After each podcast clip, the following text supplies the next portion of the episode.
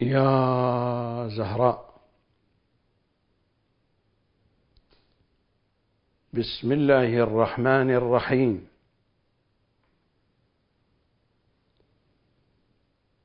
فرارا من الضياع وبحثا عن النجاة ما بين أفنية الدنيا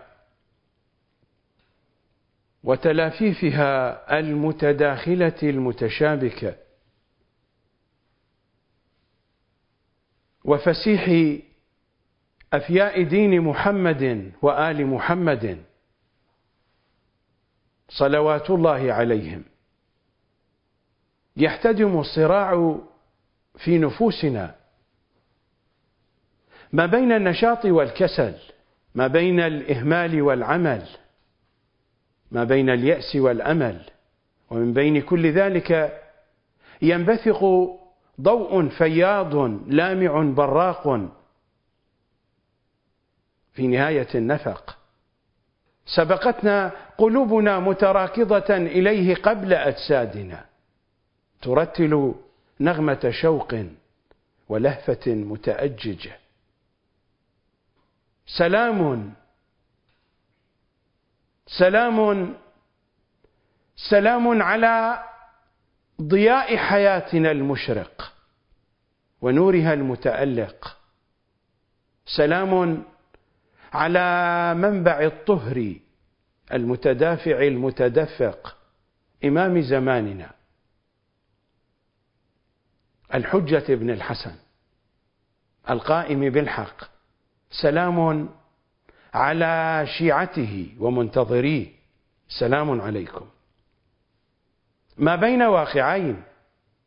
واقع الدنيا وواقع الدين. حديث سمر بين المحبين وزبدة قول للمنتظرين. الحلقة الثالثة. اعلموا أنما الحياة الدنيا لعب ولهو. وزينة وتفاخر بينكم وتكاثر في الأموال والأولاد كمثل غيث أعجب الكفار نباته كمثل غيث أعجب الكفار نباته ثم يهيج فتراه مصفرا ثم يكون حطاما وفي الآخرة عذاب شديد ومغفرة من الله ورضوان. وما الحياة الدنيا إلا متاع الغرور.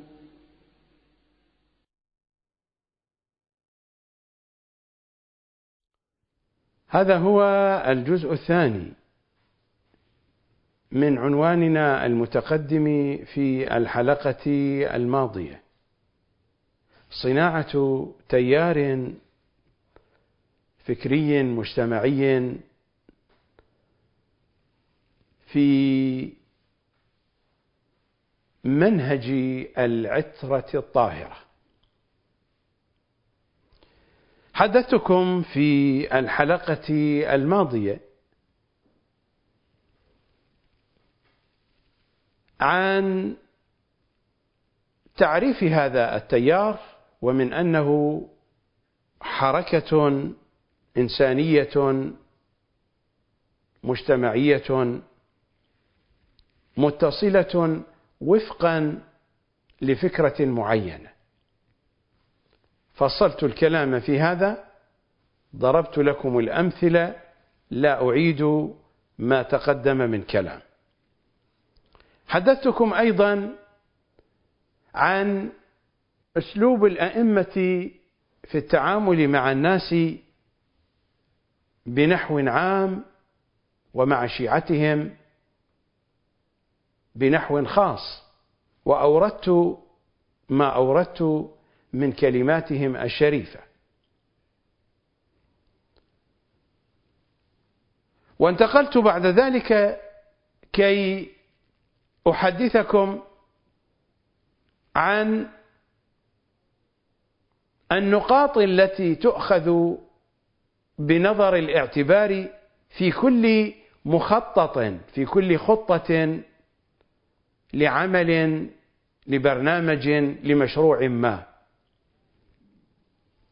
الهدف الوسائل الموصلة إلى الهدف المعوقات. التي تعيقنا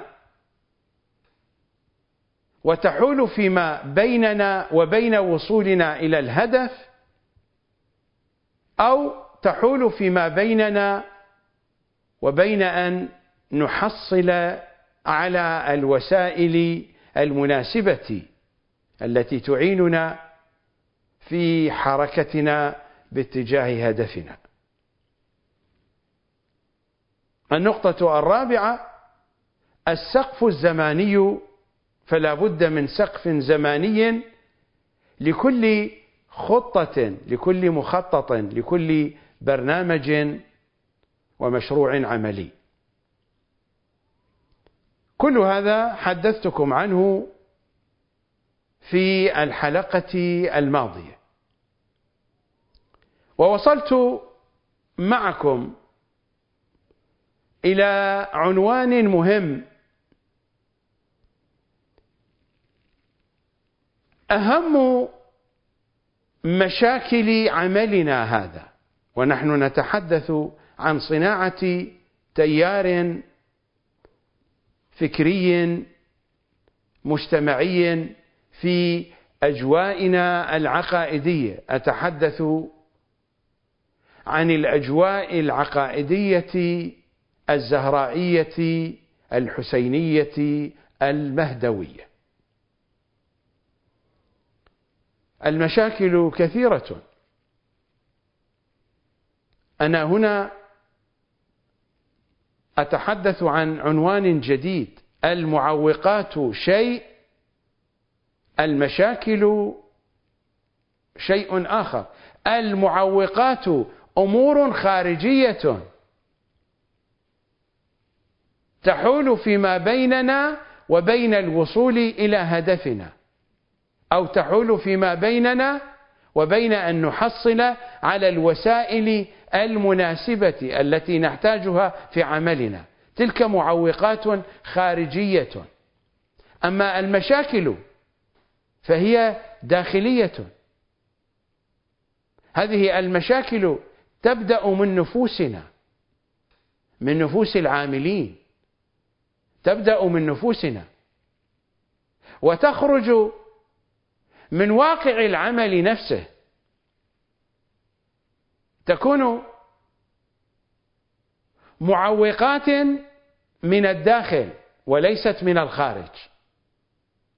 ما حدثتكم عنه من معوقات في العمل تلك معوقات خارجية ترتبط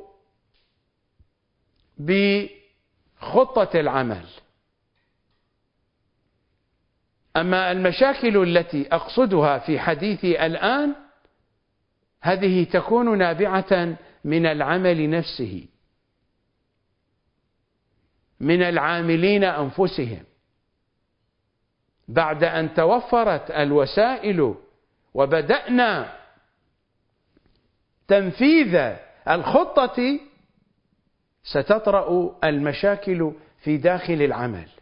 وهذه قضية طبيعية في كل عمل. إن كان العمل دينيا أو كان العمل ثقافيا أو كان العمل تجاريا أو كان العمل سياسيا وهكذا. لذا سأشير إلى أهم المشاكل لأن المشاكل لا يمكن أن تحصر. كل فرد منا هو عبارة عن مجموعة من المشاكل. هذا هو واقعنا.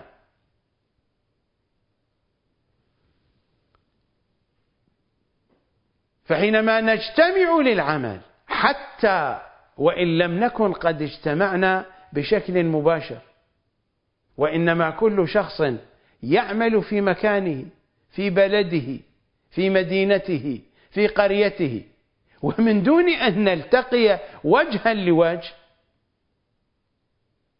ستكون هناك مشاكل. هذه قضية طبيعية في كل عمل. نحن نتحدث عن صناعة تيار فكري مجتمعي. هذا أمر عظيم. ما هو بأمر هين؟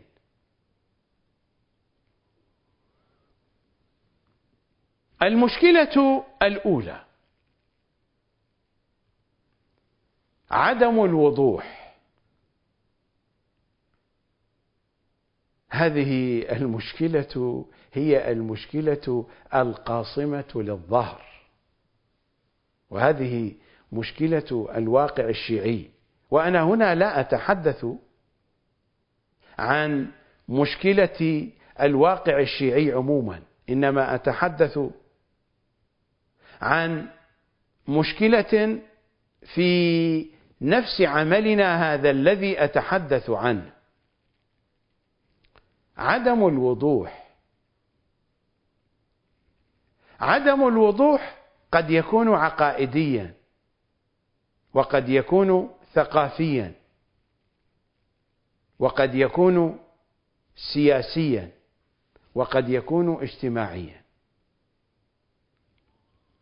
الوضوح العقائدي له الأولوية وبعده الوضوح الثقافي وبعده الوضوح السياسي وبعده الوضوح الاجتماعي.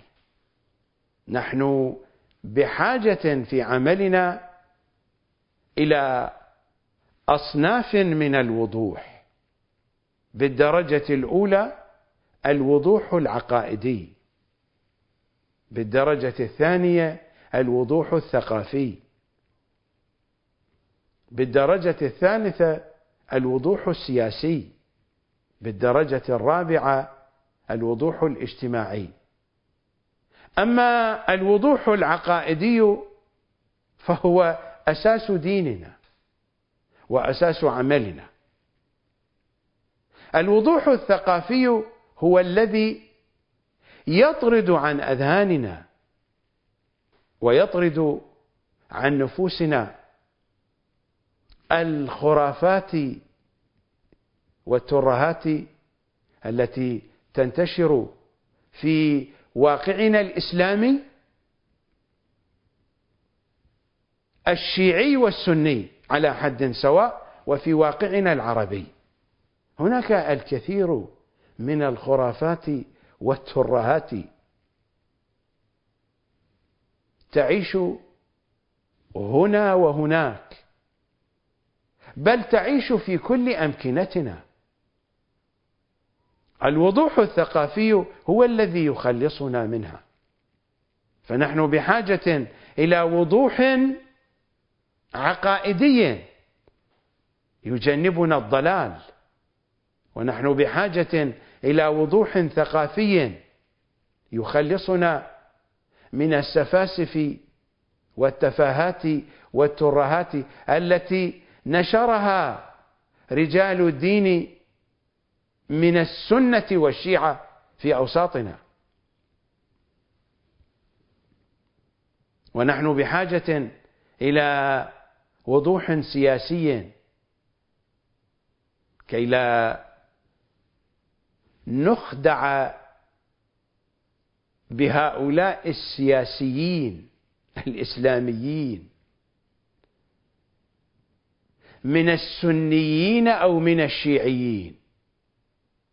كي لا يضحك علينا. جموع من السفلة جموع من الكذابين الأفاقين جموع من اللصوص السراق جموع من عديمي الشرف والنزاهة والكفاءة والثقافة. هؤلاء هم السياسيون الإسلاميون من السنيين والشيعيين على حد سواء. في واقعنا العراقي بشكل خاص وفي الواقع العربي والواقع الإسلامي بشكل عام. فنحن بحاجة إلى وضوح في المستوى العقائدي وفي المستوى الثقافي وفي المستوى السياسي وفي المستوى الاجتماعي. كي نعرف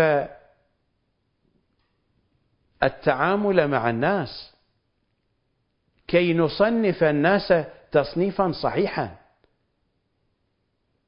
إذا لم نكن على وضوح اجتماعي في معرفة طبائع مجتمعاتنا وماذا يجري في كواليسها فإننا لا نحسن التعامل معها وحينما لا نحسن التعامل معها سيكون تشخيصنا لتكليفنا الشرعي ليس سليما. سنقع في متاهات ومطبات. بقدر ما نمتلك من وضوح في الجانب العقائدي وفي الجانب الثقافي وفي الجانب السياسي وفي الجانب الاجتماعي بقدر ما نملك من وضوح فإننا سنكون قريبين من الصواب. وستكون تصرفاتنا وفقا لحكمة قريبة من الحكمة اليمانية. فهذه المشكلة مشكلة عويصة. عدم الوضوح علاجها متوفر لديكم. برامج قناة القمر.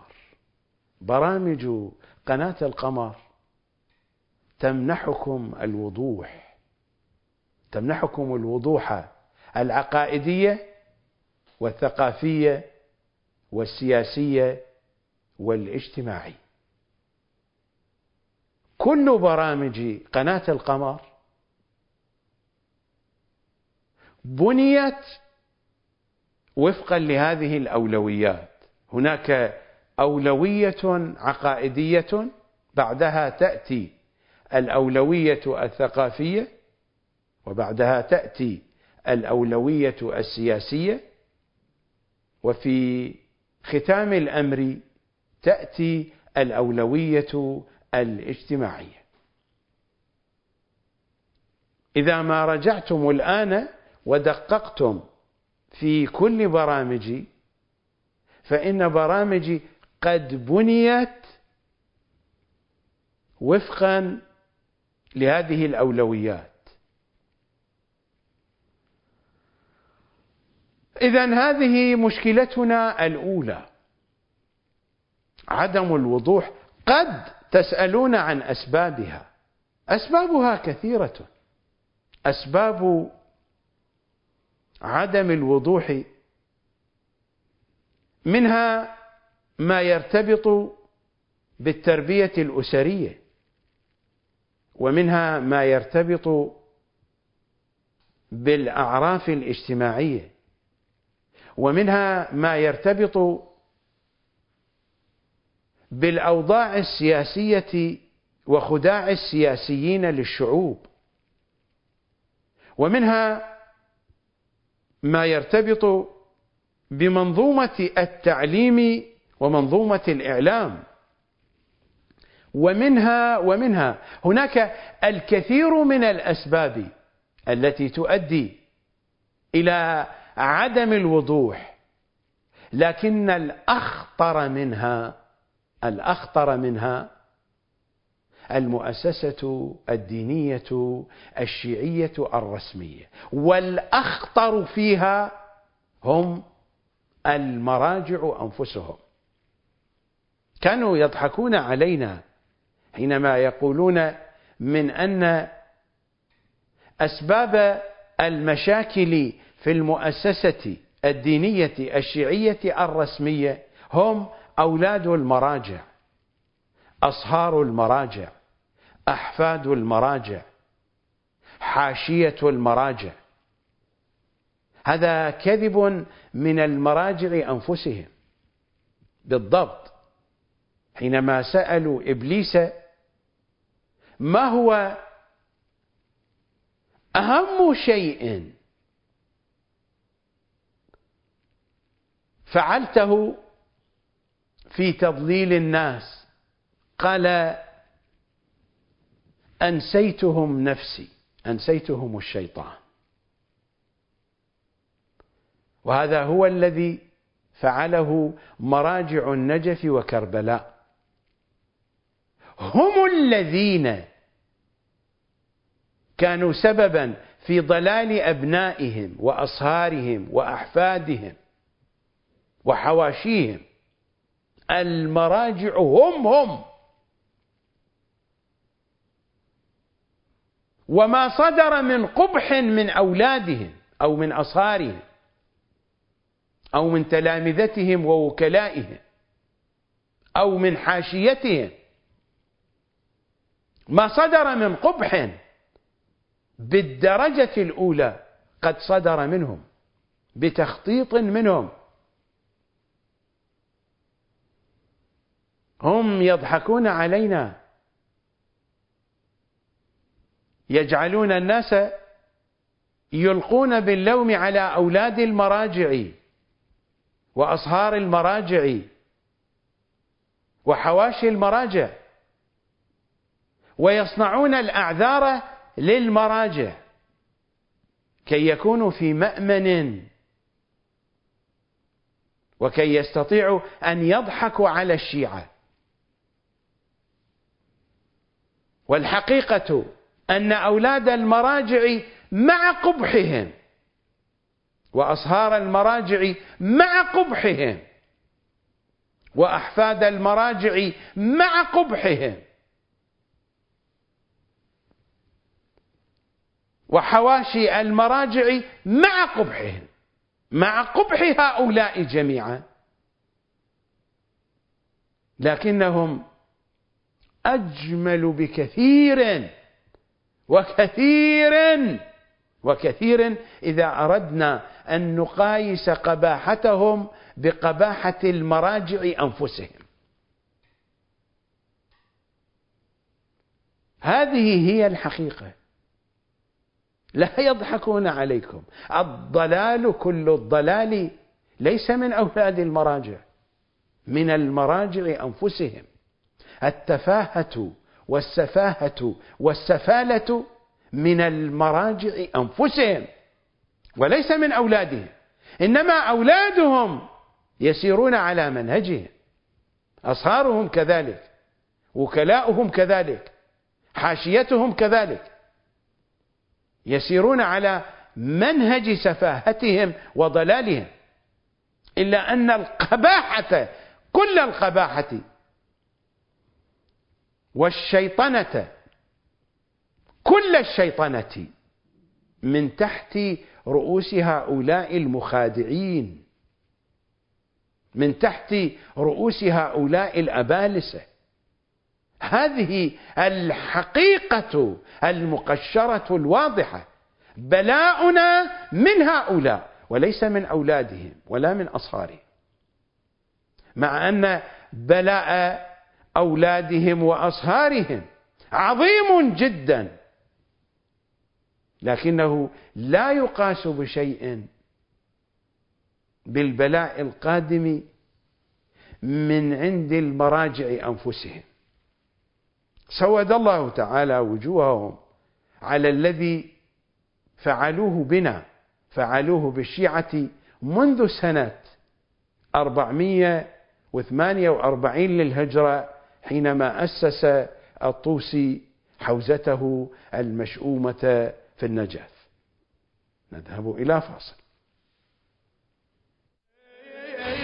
حسينكم دست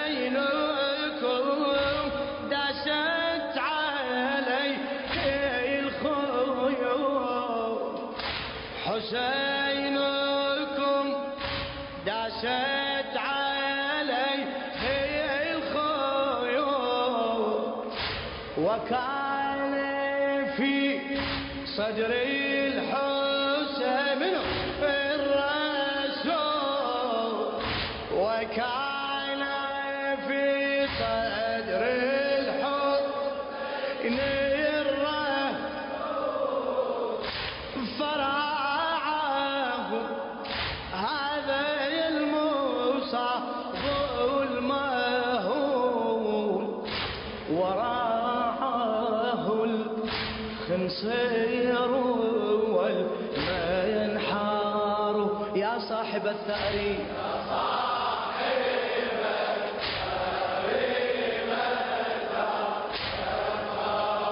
وذي فقار حيدر وذي ما شاء الله. فدوى أروح لك. المشكلة الثانية.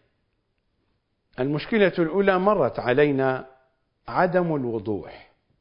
المشكلة الثانية فيروس الرئاسة والزعامة. أنا لا أتحدث عن زعامة كبيرة وإنما قد يظهر بينكم وأنتم مجموعة قليلة قد يظهر بينكم من يريد أن يتزعم عليكم. من أول لحظة صارحوه وتخلصوا منه. من أول لحظة. كارثة هذه. كارثة هذه تدمر عملكم بشكل كامل. وتغير اتجاهاته الصحيحة. إذا ما بدأ هذا الفيروس يشتغل في صدوركم حاولوا أن تعالجوه من اللحظة الأولى. نحن نتحدث عن تيار مجتمعي ليس هناك من زعامات.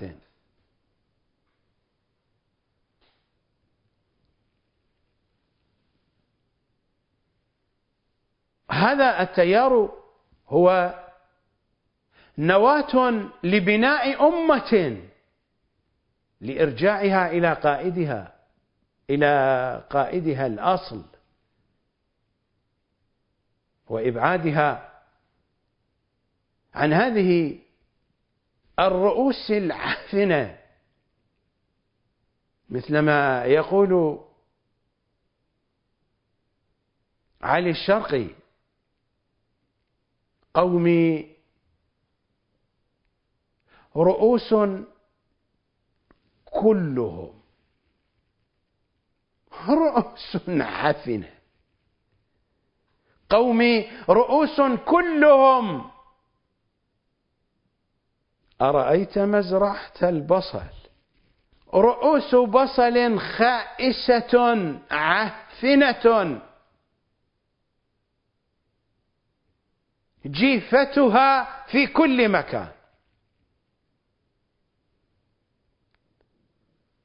فصناعة تيار فكري مجتمعي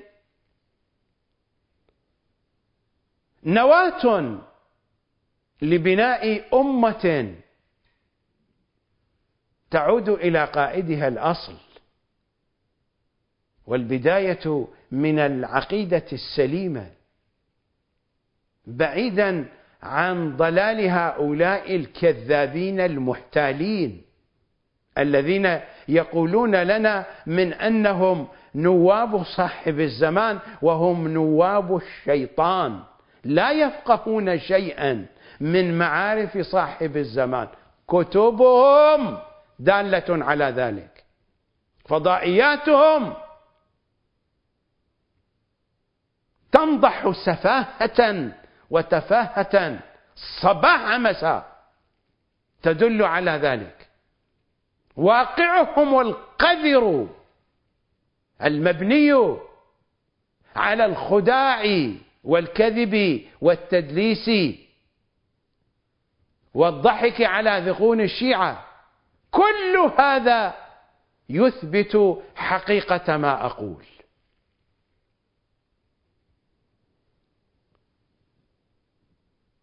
فإذا ما بدأ فيروس الزعامة والرئاسة يشتغل في نفوسكم هذه بداية خراب هذا العمل.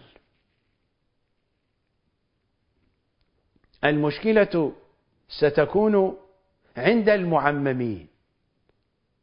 المعممون ما إن يضعوا أقدامهم في حوزة النجف وكربلاء.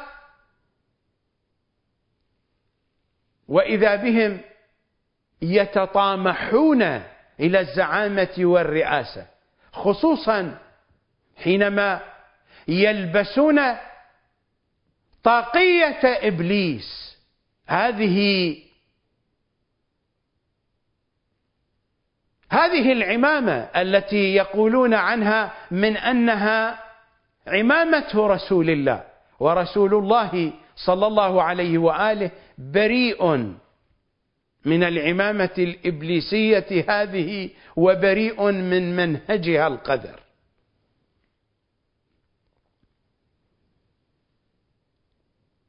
فاحذروا احذروا من هذا الفيروس. من فيروس الرئاسة والزعامة. هذا الذي ابتلي به مراجع الشيعة وابتلي به أصحاب العمائم في الأجواء الدينية المجتمعية وفي الأجواء الدينية السياسية. ولقد جروا الويلات على أنفسهم وجروا الويلات علينا. أقرأ عليكم بعضا من أحاديث العترة الطاهرة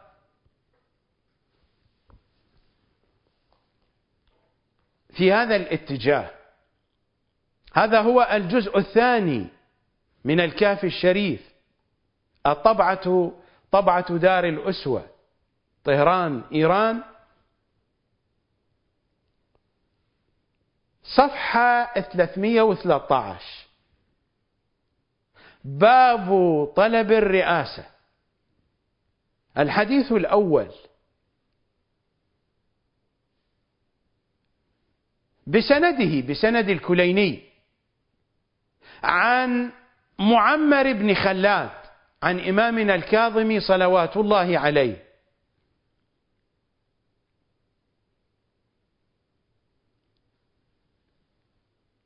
أنه ذكر رجلا فقال إنه يحب الرئاسة.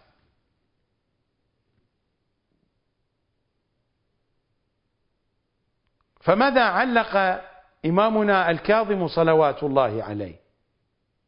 ما ذئبان ضاريان في غنم قد تفرق رعاؤها؟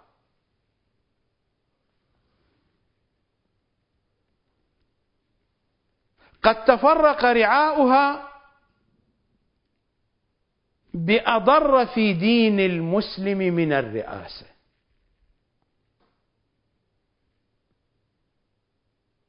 رعاة الأغنام تفرقوا. ما ذئبان ضاريان.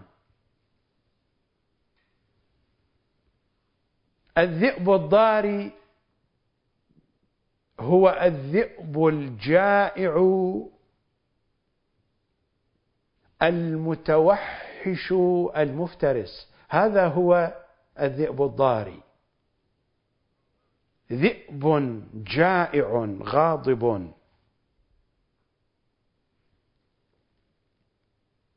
ما ذئبان ضاريان في غنم قد تفرق رعاؤها. ليس هناك من يحميها.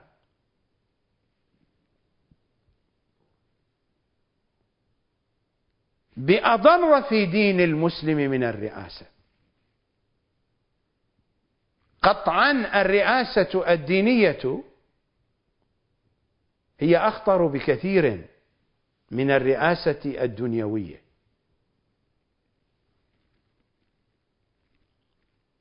وليس الحديث عن رئاسة عالية جدا. قد تكون رئاسة في حسينية صغيرة. قد تكون رئاسة على مجموعة قليلة من الأفراد.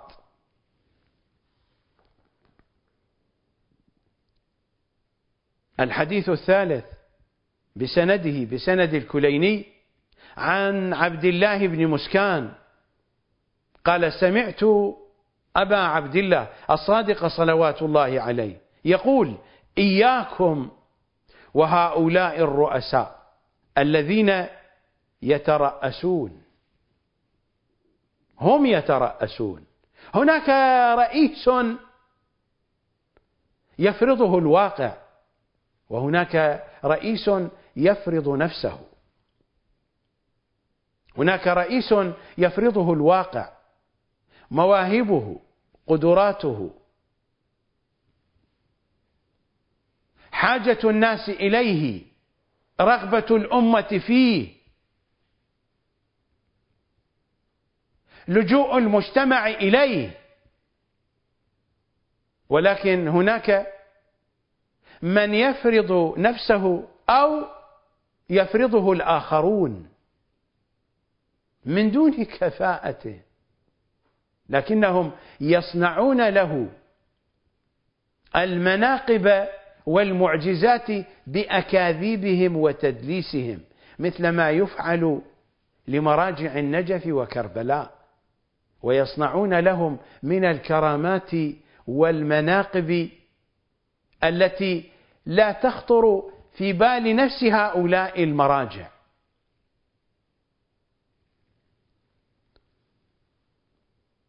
الصادق يقول إياكم إياكم وهؤلاء الرؤساء الذين يترأسون.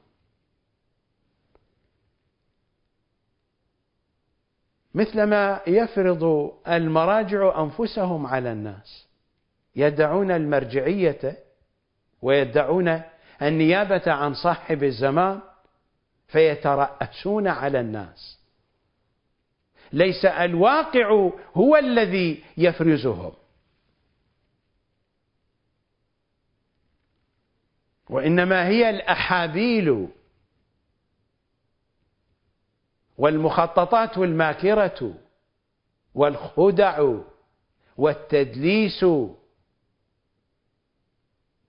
والمخاتلات وقد حدثتكم عن أنكر مخاتلات السيستاني في حياته في برامج السابقة يمكنكم أن تعودوا إلى تلك التفاصيل.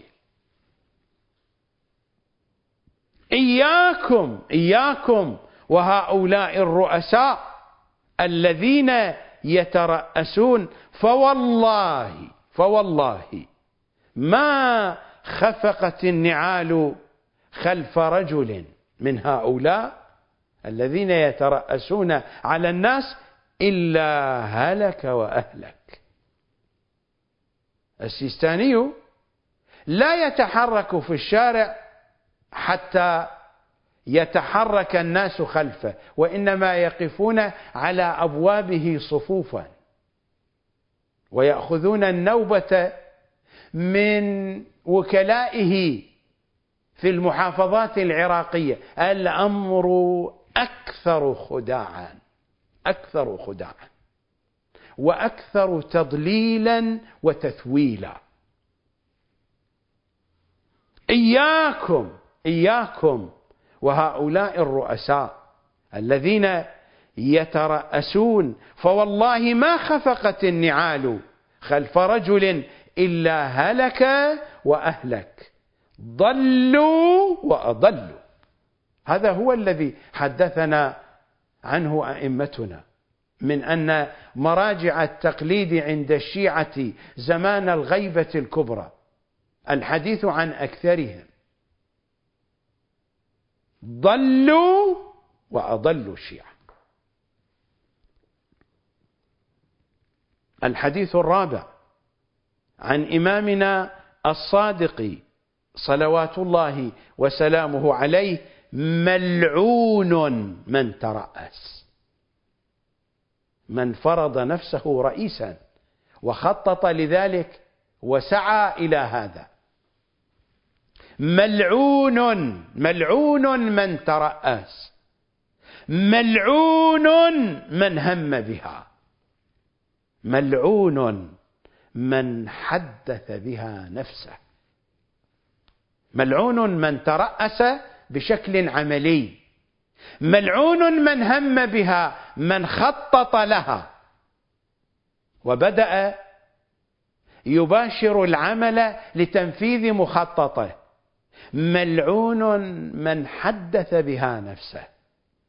لا ترأس عمليا ولا خطط وبدأ يباشر العمل لكنه حدث نفسه بها. الإمام يلعنه. لا لعنة على كل من ترأس علينا. في الأجواء الدينية الشيعية وفي الأجواء السياسية الشيعية ممن يلعنهم إمامنا الصادق صلوات الله عليه. أنا لا ألعن الجميع وإنما ألعن الذين يلعنهم إمامنا الصادق في هذا الحديث. ملعون ملعون من ترأس ألعنه بلعنة الصادق. ملعون من هم بها. ألعنه بلعنة الصادق. ملعون من حدث بها نفسه.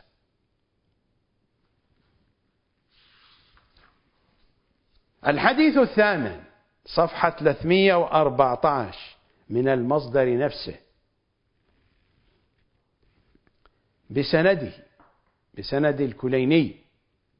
عن محمد بن مسلم. قال سمعت أبا عبد الله الصادق صلوات الله عليه يقول أترى لا أعرف خياركم من شراركم. أنا أعرفكم أنا إمامكم. الصادق هكذا يقول أترى أتظن؟ أترى لا أعرف خياركم من شراركم. بلى والله. وإن شراركم من هم شرار الشيعة؟ وإن شراركم من أحب أن يوطأ عقبه. إنه لا بد من كذاب أو عاجز الرأي. هذا هو الذي يحتاج إلى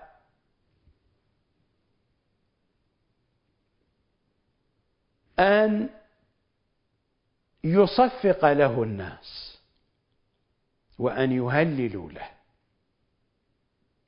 لو كان ممتلئا بحكمة وعلم ومعرفة فإنه لا يحتاج إلى كل هذا. أقرب لكم المثال من واقعنا الشيعي العراقي. أصحاب الشهادات والكفاءات الحقيقية حينما يعينون في مسؤولية في الحكومة ليس صعبا عليهم أن يستقيلوا أن يغادروا تلك المسؤولية ولكن الذين لا يملكون كفاءة ولا يملكون شهادة حقيقية ولا يملكون خبرة ولا يملكون نزاهة حينما يوضعون في مسؤولية حكومية عالية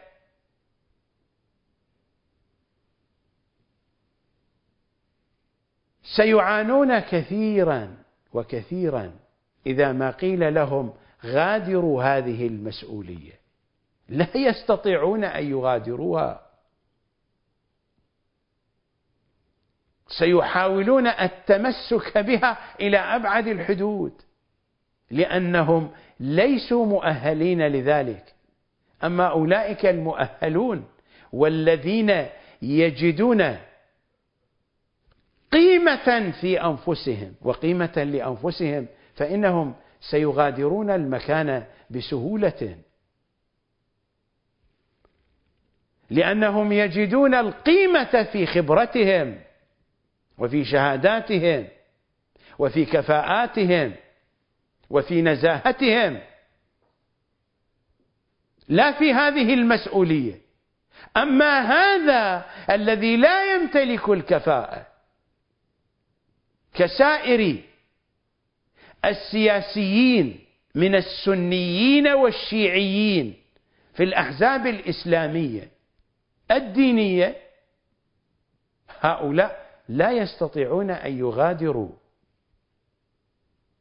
هذه الأمكنة وهذه المسؤوليات لأنهم يجدون قيمتهم في هذه المسؤولية لا في أنفسهم. وإن شراركم من أحب أن يوطأ عقبه إنه لا بد من كذاب أو عاجز الرأي. هذا الأمر ينطبق على المراجع الشيعة بالدرجة الأولى. فالإمام يتحدث عن الرئاسة الدينية هنا.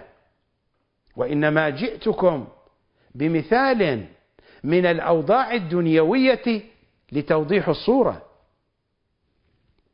الإمام الصادق يتحدث هنا عن الرئاسة الدينية عن هؤلاء المراجع الذين لا يمتلكون النزاهة ولا الكفاءة. الدليل؟ إذا ما تحدثوا. أمير المؤمنين صلوات الله وسلامه عليه يقول قيمة كل امرئ ما يحسنه ما يحسنه ما يحسنه من علم من معرفة من بيان فقيمة كل امرئ ما يحسنه الإمام يقول تكلموا في العلم لماذا؟ حتى تبين أقداركم. تكلموا في العلم. تكلموا في العلم تتبين أقداركم. هذا كلام أمير المؤمنين. ما هو كلامي؟ المرء مخبوء تحت لسانه لا تحت طي لسانه. والطي لسان هو لباس الملوك ولباس الوزراء ولباس رجال الدين وكبار التجار. الطيالسة جمع لطيلسان. الطيالسة هي ثياب الملوك والوزراء وكبار رجال الدين وكبار التجار.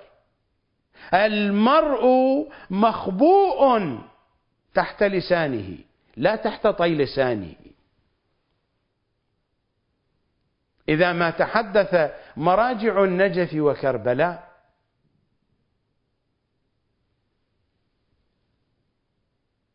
فإنهم فضيحة فضيحة فضيحة لدين يقال له دين محمد وآل محمد. إنهم عورة عورة عورة من أقبح العورات. الواقع يقول هذا. ما أنا الذي أقول؟ الشبكة العنكبوتية موجودة عندكم وتفحصوا ذلك بأنفسكم. أو اذهبوا. اذهبوا إلى برانياتهم وتحدثوا معهم. غاية ما عندهم يلقلقون بعبارات أدعية. هذه العبارات ليست سليمة من الجهة اللغوية والنحوية. حثالة وقمامة ابتلي بها صاحب الأمر. وفرضوا أنفسهم على أنهم نواب له. لقد ضحكوا على أجدادنا وآبائنا ولا زالوا يضحكون علينا إلى هذه اللحظة. وإن شراركم من أحب أن يوطأ عاقبه. إنه لا بد من كذاب أو عاجز الرأي. نذهب إلى فاصل.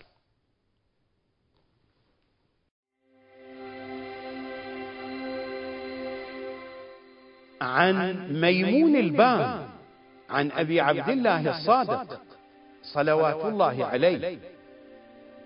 خمس قبل قيام القائم اليماني والسفياني والمنادي ينادي من السماء وخسف بالبيداء وقتل النفس الزكي.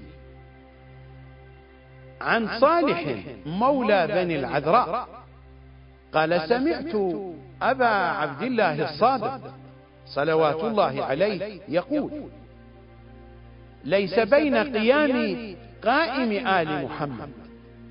وبين قتل النفس الزكية إلا خمسة عشر ليل عن المعلى ابن خنيس. عن إمامنا الصادق صلوات الله عليه. إن أمر السفياني من الأمر المحتوم وخروجه في رجب. عن الحارث بن المغيرة. عن إمامنا الصادق صلوات الله عليه. الصيحة التي في شهر رمضان تكون ليلة الجمعة لثلاث وعشرين مضين من شهر رمضان.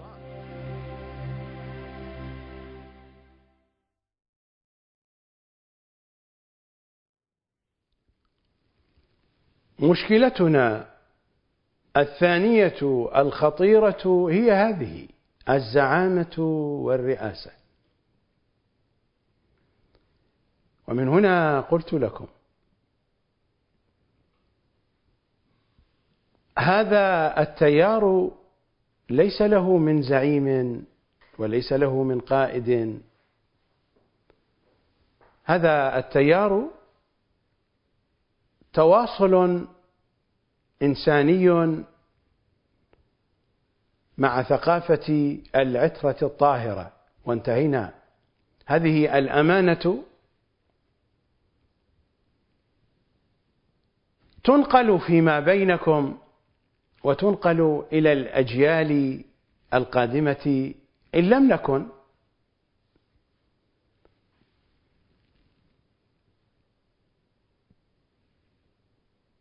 في زمن قريب من زمان ظهور الحجة ابن الحسن. صلوات الله وسلامه عليه. فإننا ننقل الأمانة هذه إلى الأجيال القادمة وإذا كنا سنوفق لإدراك وقت ظهور إمام زماننا فهذا تمهيد في عقولنا وتمهيد في قلوبنا وتمهيد في نفوسنا كي نكون أنصارا وأعوانا لإمام زماننا قائم آل محمد صلوات الله وسلامه عليه. الرئاسة والزعامة خطر خطر داهم يدمر العقيدة ويحجب القلوب عن إمامها.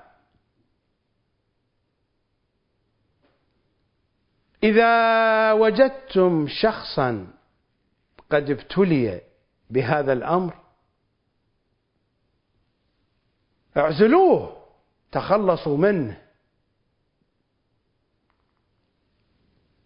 هذا خطر خطر خطر عليكم وخطر على عملكم.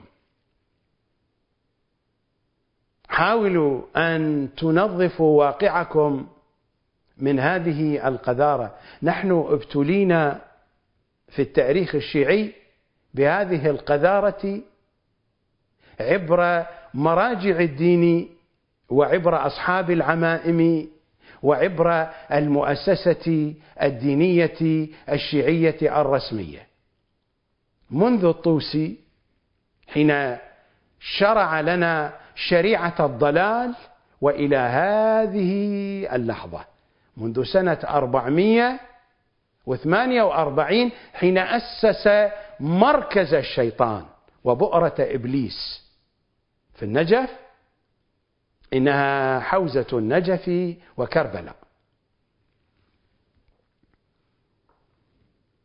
ولذا فنحن في هذا التيار لسنا بحاجة إلى أسماء إلى ألقاب إلى عناوين لا للأشخاص ولا للأمكنة. نحن بحاجة إلى أن نتعلم وأن نعلم. نحن بحاجة إلى أن نكون على وعي ومعرفة بثقافة العترة الطاهرة.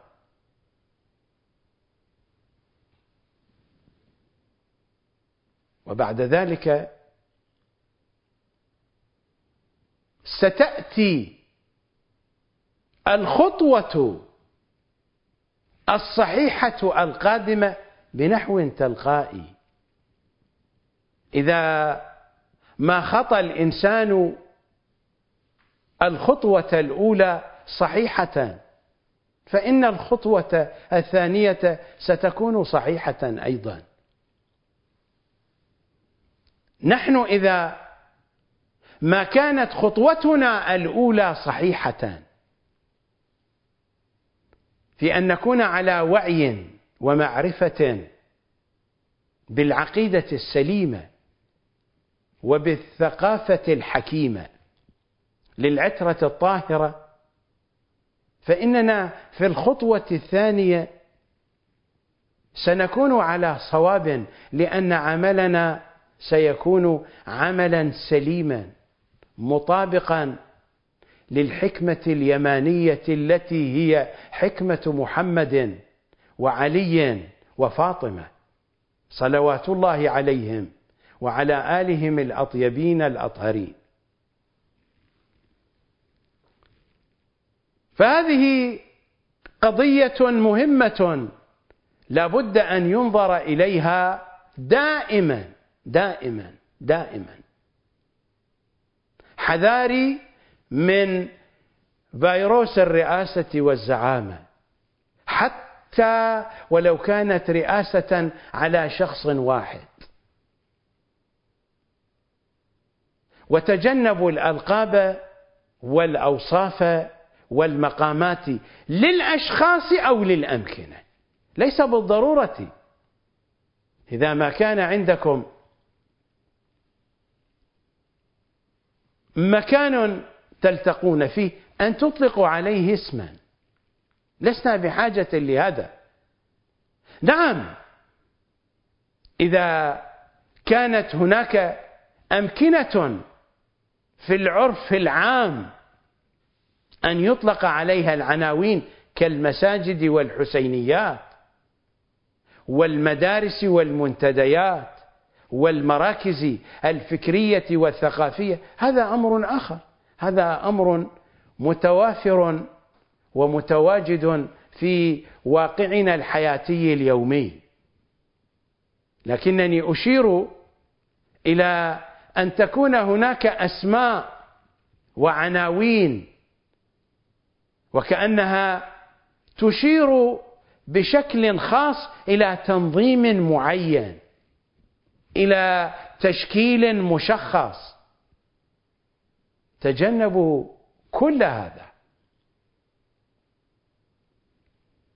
التيار الفكري المجتمعي كما قلت لكم حركة إنسانية مجتمعية باتجاه فكر محمد وآل محمد. نريد أن نتعلم ونعلم. نريد أن ننشر ونوضح ونبين. والناس أحرار. الناس أحرار. هذه عقيدة. العقيدة لا تباع بالأموال ولا تشترى بالأموال. العقيدة لا تقبل بالوجاهات ولا تفرض بالقوة على الناس. هذا أمر يعقد في القلوب. هذا عقد يجري فيما بين مضمون العقيدة ومضمون القلب. ولذلك قيل لها عقيدة.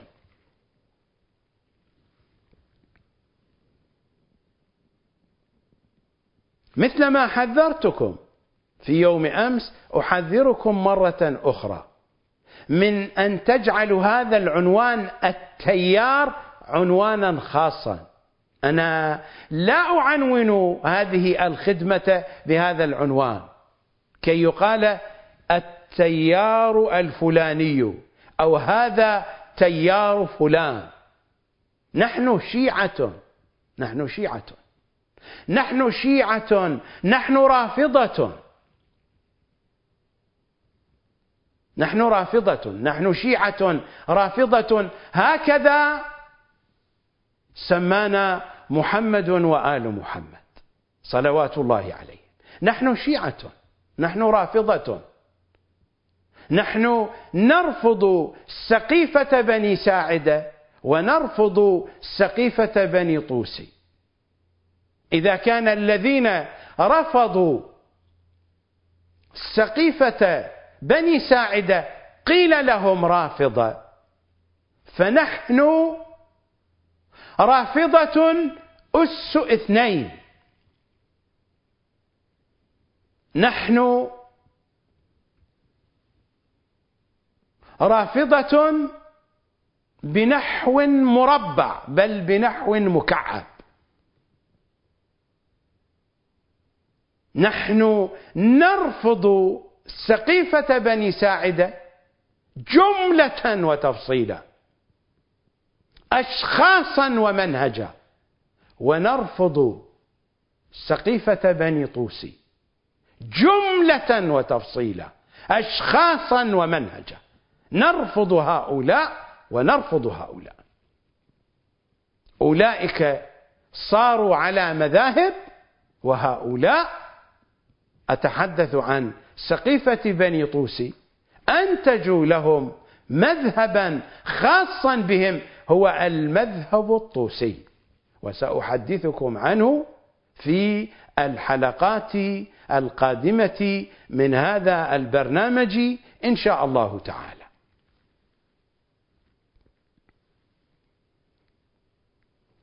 المشكلة الثالثة مشكلتنا الأولى عدم الوضوح. مشكلتنا الثانية فيروس الرئاسة والزعامة. مشكلتنا الثالثة الملل والضجر. الملل والضجر. نذهب إلى فاصل. صدقنا نايم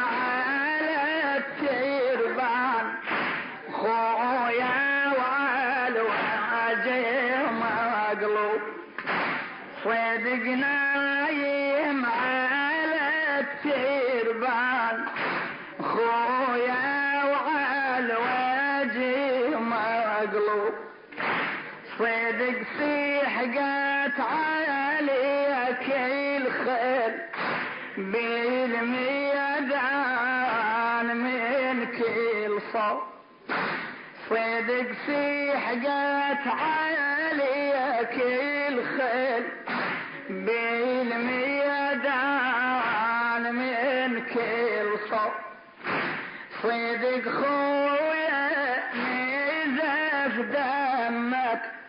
وقلبك بالسهم ماصيو صدق خويا نزف دمك. وقلبك بالسهم ماصي ولا أمان يا راس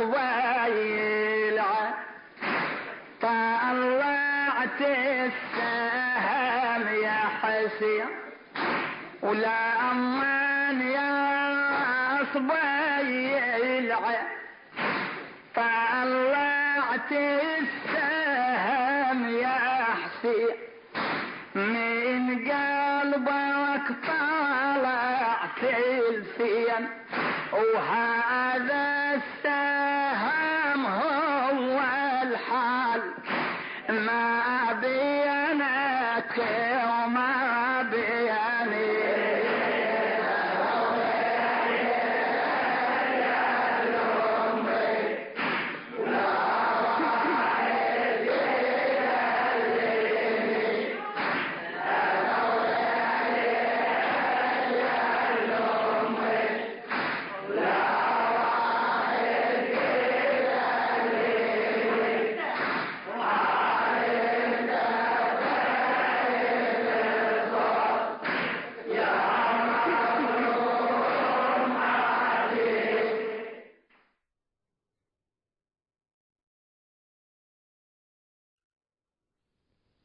المشكلة الثالثة وهي الأخيرة.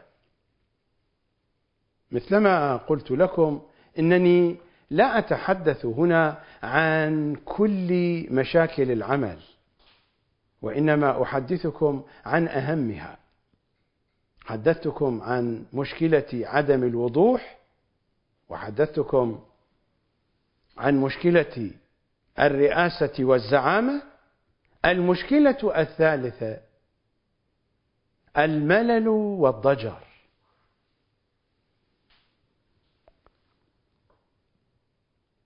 قلت لكم من أن الخدمة الحسينية ربيعها في شهر محرم وصفر.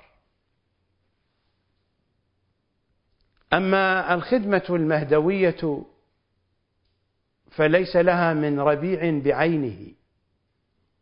كل الوقت لها. مثلما قال إمامنا الصادق صلوات الله وسلامه عليه لو أدركت القائم لخدمته أيام حياتي. الخدمة الحسينية لا قيمة لها إن لم تكن. متلاشية في فناء الخدمة المهدوية.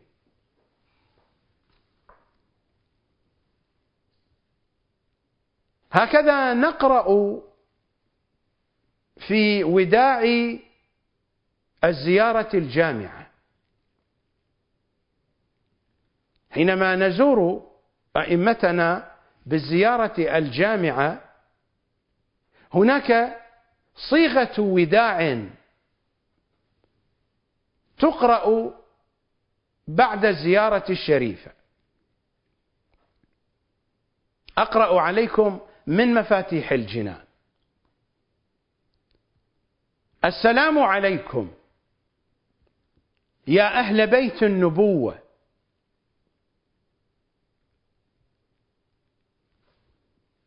ومعدن الرسالة. سلام مودع لا سئم ولا قال. ورحمة الله وبركاته عليكم أهل البيت.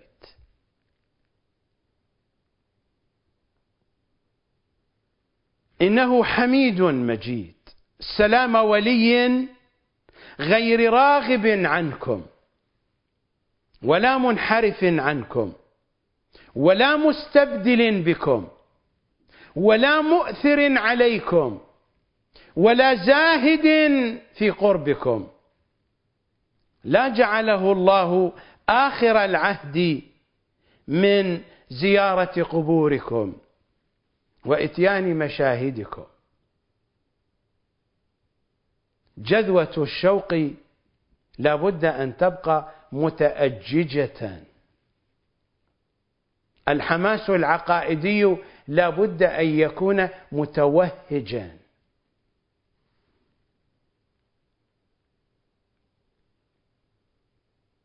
السلام عليكم يا أهل بيت النبوة ومعدن الرسالة. كيف يكون هذا السلام؟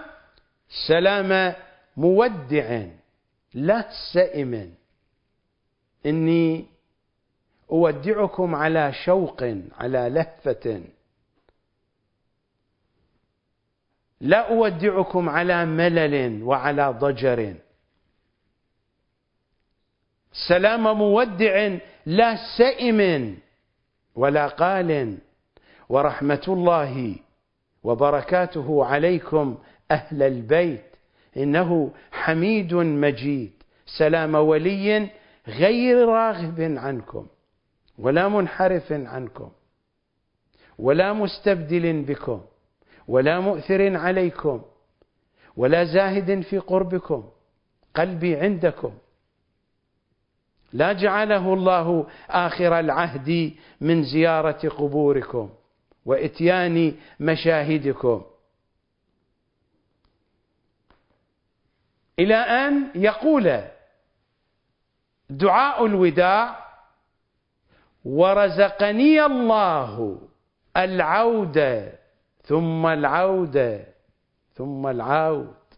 هذه التعابير كلها تشير إلى انتفاء حالة الملل والضجر. هكذا يكون الشيعي. ورزقني الله العودة ثم العودة ثم العودة ما أبقاني ربي بنية صادقة وإيمان وتقوى وإخبات إلى آخر ما جاء في الدعاء الشريف. بأبي أنتم وأمي ونفسي ومالي وأهلي اجعلوني من همكم وصيروني في حزبكم. كيف أتوقع أن يجعلوني من همهم؟ وأنا لست مهتما متفاعلا متحمسا متأججا في دواخلي باتجاههم. هذا الذي سأل الإمام الرضا صلوات الله عليه ما لي من المنزلة عندك يا ابن رسول الله؟ الإمام قال له انظر إلى قلبك. ما لي من المنزلة عندك في قلبك. ما هي منزلتي في قلبك؟ لك من المنزلة في قلبي بقدرها. بإمكاننا أن نعرف منازلنا عند إمام زماننا. ما هي منزلة إمام زماننا في حياتنا في قلوبنا في عقولنا في اهتماماتنا؟ هل هي كما يقول إمامنا الصادق في تطبيقها العملي. لو أدركته لخدمته أيام حياتي. هل هي هكذا في تطبيقها العملي؟ وقطعا التطبيق العملي الذي يكون بهذا الوصف ينعكس عن حالة معرفية وعقائدية وعن مستوى من النية الصافية العميقة. بأبي أنتم وأمي ونفسي ومالي وأهلي اجعلوني من همكم وصيروني في حزبكم وأدخلوني في شفاعتكم واذكروني عند ربكم سادتي أئمتي أوليائي كلي لكم كلي لكم. فاجعلوني من همكم. هذه الكلمات قال عنها الصادق صلوات الله وسلامه عليه يجب أن تكتب بالذهب. نفس المهموم لظلمنا تسبيح. وهمه همه وهمه لنا عبادة. وكتمان سرنا جهاد في سبيل الله. نفس المهموم لظلمنا تسبيح. وهمه همه همه لنا عبادة. هذا هو الذي أحدثكم عنه يا أصحاب الهم العقائدي المهدوي هذا هو الذي أحدثكم عنه. نفس المهموم لظلمنا تسبيح وهمه همه لنا عبادة. هذا الذي لا يعرف مراجع النجف وكربلاء شيئا من كي يتذوقوا.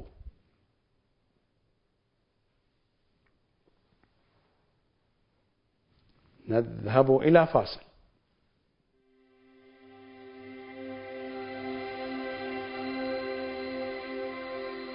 عن أبي بصير قال سمعت الصادق صلوات الله وسلامه عليه يقول من أحب أن يكون مسكنه الجنة ومأواه الجنة فلا يدع زيارة المظلوم. قلت من هو؟ قال الحسين بن علي صاحب كربلاء. من أتاه شوقا إليه وحبا لرسول الله. وحبا لفاطمة. وحبا لأمير المؤمنين صلوات الله عليهم أجمعين. أقعده الله على موائد الجنة. يأكل معهم والناس في الحساب. عن عبد الله بن زرارة.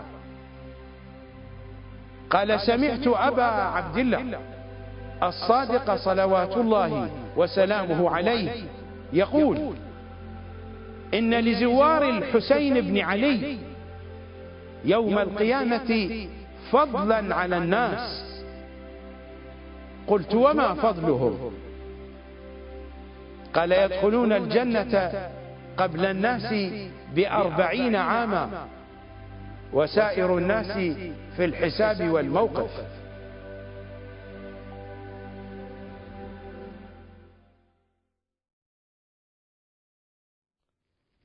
لازلت أقرأ عليكم من مفاتيح الجنان وهذه زيارة الحسين في العيدين. في عيد الفطر وعيد الأضحى. جاء في وداعها. هكذا نودع الحسين صلوات الله وسلامه عليه. السلام عليك يا مولاي. سلام مودع. لا قال ولا سئم. فإن أنصرف فلا عن ملالة. وإن أقم فلا عن سوء ظن بما وعد الله الصابرين. يا مولاي. لا جعله الله آخر العهد مني لزيارتك. ورزقني العود إليك. والمقام في حرمك والكون في مشهدك. آمين رب العالمين. ثم قبله. قبل القبر الشريف. ثم قبله. وأمر عليه جميع جسدك. فإنه أمان وحرز. واخرج من عنده القهقراء ولا توله دبرك. السلام عليك يا مولاي يا حسين. سلام مودع لا قال ولا سئم فإن أنصرف فلا عن ملاله. هذا هو الملل والضجر الذي قلت لكم. مشكلة من مشاكل عملنا هذا. هذه الزيارات وهذه الأدعية الشريفة تغذينا بالحماس.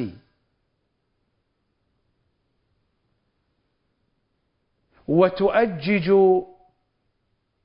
جذوة الشوق في قلوبنا باتجاه إمام زماننا صلوات الله وسلامه عليه. الدعاء المروي عن إمامنا الرضا الذي قرأت ما قرأت عليكم منه في الحلقة الماضية.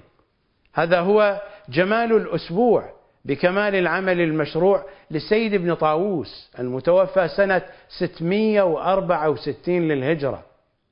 وهذه طبعة مؤسسة الآفاق إيران. صفحة 313 هكذا جاء في هذا الدعاء الرضوي الشريف ولا تبتلنا في أمره في أمر إمام زماننا في أمر الحجة بن الحسن. ولا تبتلنا في أمره بالسأمة والكسل والفترة والفشل. المراد من الفترة الفتور إنه عدم الحماس. انطفاء شعلة الجذوة المتأججة. ولا تبتلنا في أمره بالسأمة والكسل والفترة والفشل. إنما أؤكد هذا المعنى لأن الشيطان سيغزوكم. سيقول لكم من أنكم تعملون بلا نتيجة. السياسيون حينما يعملون في تنظيماتهم يتوقعون نتيجة محسوسة ستكون في أيديهم. أصحاب العمائم حينما يشتغلون للوصول إلى المرجعية وحينما يعملون في جو مرجعيتهم إنهم ينالون الشهرة وينالون الأموال.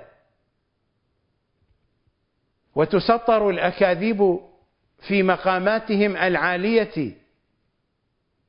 وتدبج الافتراءات لصناعة كرامات ومعجزات لوجوداتهم القبيحة القذرة. هناك شيء يحصلون عليه. أما أنتم ماذا تحصلون؟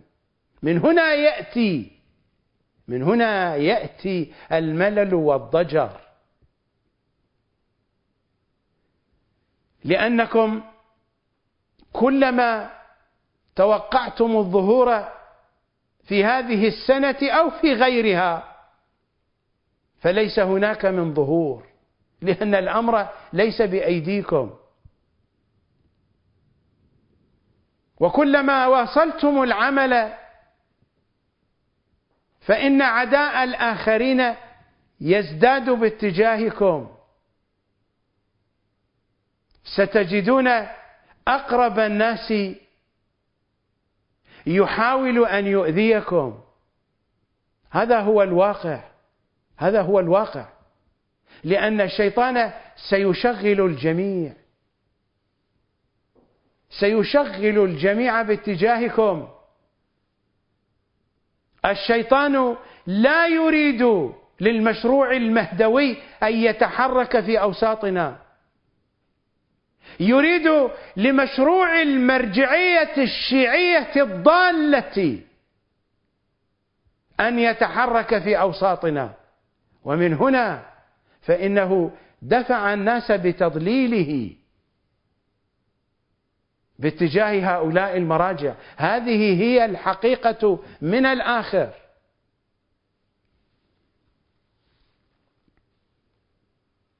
ولا تبتلنا في أمره بالسأمة والكسل والفترة والفشل. سياسة التسقيط التي يتبعها مراجع النجف وكربلاء هي لبحث اليأس في نفوسكم. ما هو علاج هذا؟ أنا أحدثكم عن تجربتي. صدقوني عبر هذه السنين منذ سنة 1981 وإلى هذه اللحظة كلما زادوا في تسقيط سمعتي وفي تشويه سمعتي وكلما زادوا في مخططاتهم للنيل مني وللإيقاع بي ولإيذائي بكل الوسائل كلما ازددت في عملي في مواجهة ذلك. وإنني بهذا أدخل السرور على قلب إمامي. وأشد من عزيمتي وأشجع الذين معي وأجعلهم يزدادون كمدا. هذا هو منهج العترة الطاهرة. هكذا علموني هكذا تعلمت منهم. كلما ازدادوا في إيذائي كلما ازددت في عملي نشاطا وحماسا كما قلت لكم. ادخلوا السرور على قلب إمامي. وأشد من عزيمتي. وأشجع الذين معي. وأبعد اليأس عنهم. وأجعل أولئك يزدادون كمدا فليذهبوا إلى الجحيم.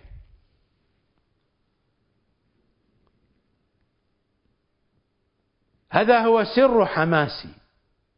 أنتم تدركون مدى الضغط الذي يوجه إلي من القريب والبعيد ولكنكم تشاهدونني. أحافظ على حماستي بل أزداد فيها.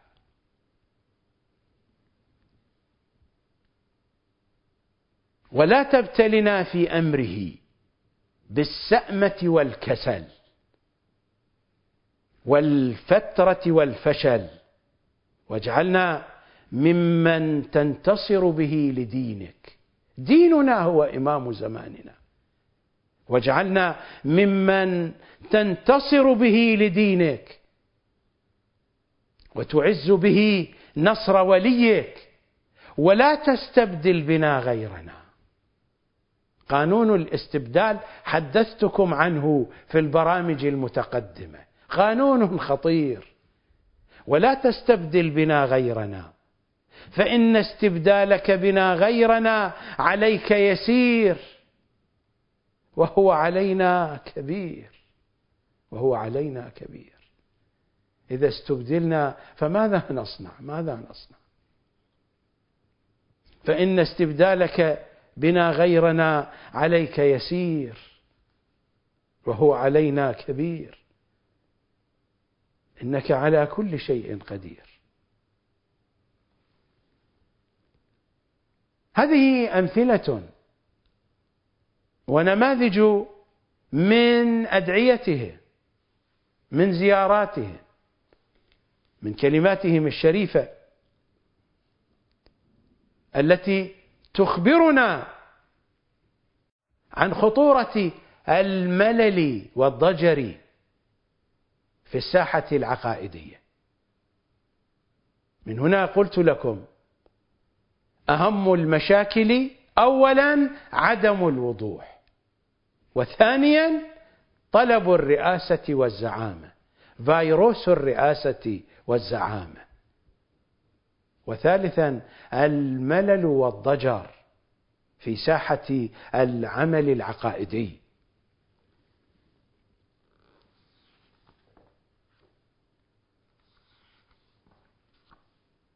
في أهم أدعية زمان الغيبة وهو دعاء ورد إلينا من الناحية المقدسة. أقرأ عليكم من مفاتيح الجنان الدعاء الذي أوله اللهم عرفني نفسك فإنك إن لم تعرفني نفسك لم أعرف رسولك. ماذا نقرأ في طوايا هذا الدعاء الشريف؟ اللهم ولا تسلبنا اليقين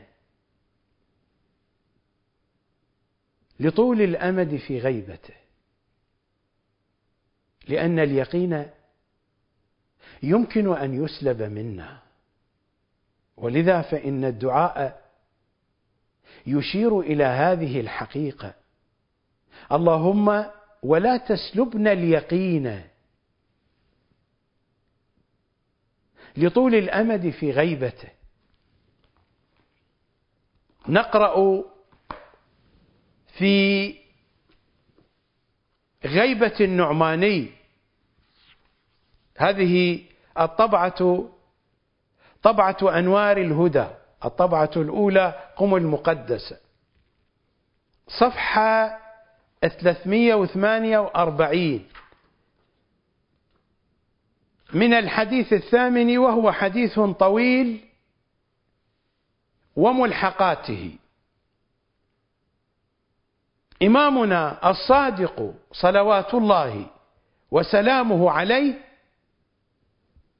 في جملة ما قاله فلا يظهر صاحبكم حتى يشك فيه أهل اليقين.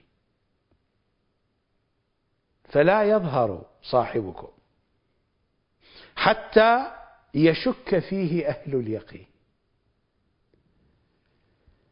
منظومة فكرية واحدة. أحاديثهم رواياتهم زياراتهم أدعيتهم قرآنهم.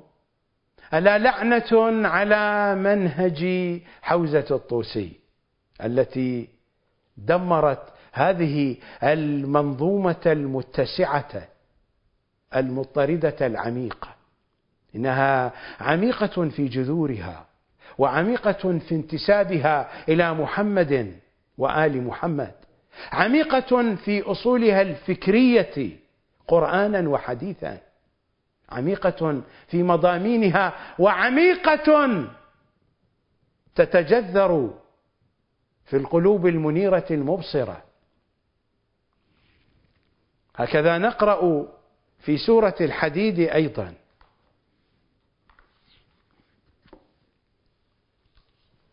في الآية السادسة بعد العاشرة بعد البسملة. ألم يأن للذين آمنوا أن تخشع قلوبهم لذكر الله وما نزل من الحق؟ ولا يكونوا كالذين أوتوا الكتاب من قبل فطال عليهم الأمد فقست قلوبهم. فطال عليهم الأمد فقست قلوبهم وكثير منهم فاسقون. فطال عليهم الأمد فقست قلوبهم. اللهم ولا تسلبنا اليقين لطول الأمد في غيبته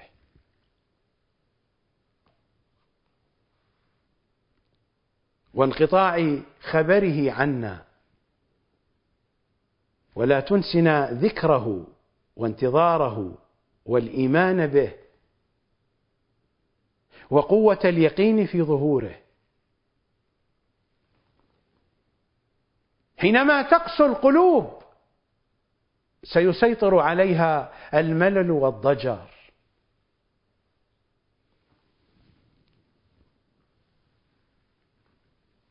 ألم يأن للذين آمنوا أن تخشع قلوبهم؟ أن تلين قلوبهم؟ أن تخشع قلوبهم لذكر الله وما نزل من الحق ولا يكونوا كالذين أوتوا الكتاب من قبل. فطال عليهم الأمد فقست قلوبهم إنهم اليهود. وكثير منهم فاسقون. هكذا نقرأ في الآية الرابعة والسبعين بعد البسملة من سورة البقرة. الآية تخاطب بني إسرائيل ثم قست قلوبكم من بعد ذلك فهي كالحجارة أو أشد قسوة. قلوب هذا حالها يسيطر عليها الملل والضجر. والفتور والكسل. شيء طبيعي هذا. ثم قست قلوبكم من بعد ذلك فهي كالحجارة أو أشد قسوة. وإن من الحجارة لما يتفجر منه الأنهار وإن منها لما يشقق فيخرج منه الماء وإن منها لما يهبط من خشية الله. وما الله بغافل عما تعملون. ثم قست قلوبكم. من بعد ذلك فهي كالحجارة أو أشد قسوة. حينما طال عليهم الأمد طال عليهم الوقت قست قلوبهم. لماذا؟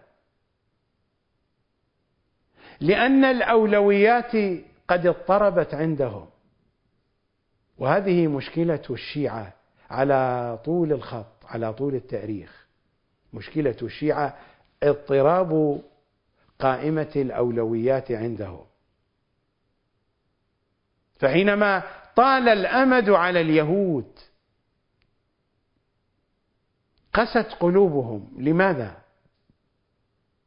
هل لأن الأمد كان طويلا؟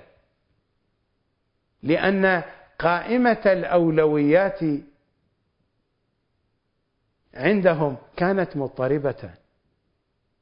والأمر هو هو في واقعنا الشيعي. إننا نقدم الأمور غير المهمة على الأمور المهمة. ونقدم الأمور المهمة على الأمور الأهم. وحينما نأتي إلى الأمور الأهم نقدم الأقل أهمية على الأمور التي هي أكثر أهمية. هذا هو اضطراب الأولويات.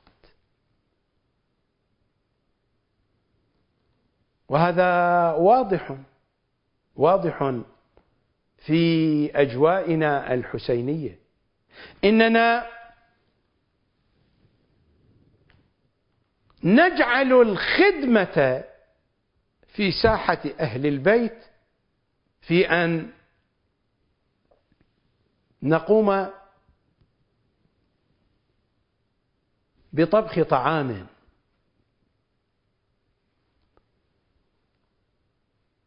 تتحول الخدمة الحسينية إلى قدر قيمة وقدر تمن.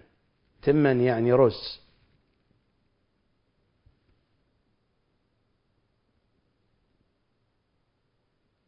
حينما أتحدث عن عدم الاهتمام بطبخ القيمة والرز فأنا لا أعارض الطبخ أبدا. أنا نفسي أشارك في هذا الأمر. أنا نفسي أدفع الأموال في المناسبات الحسينية لأجل طبخ الطعام في المواكب والهيئات. وحينما يسنح لي الوقت فإنني أقوم بهذا الأمر بنفسي.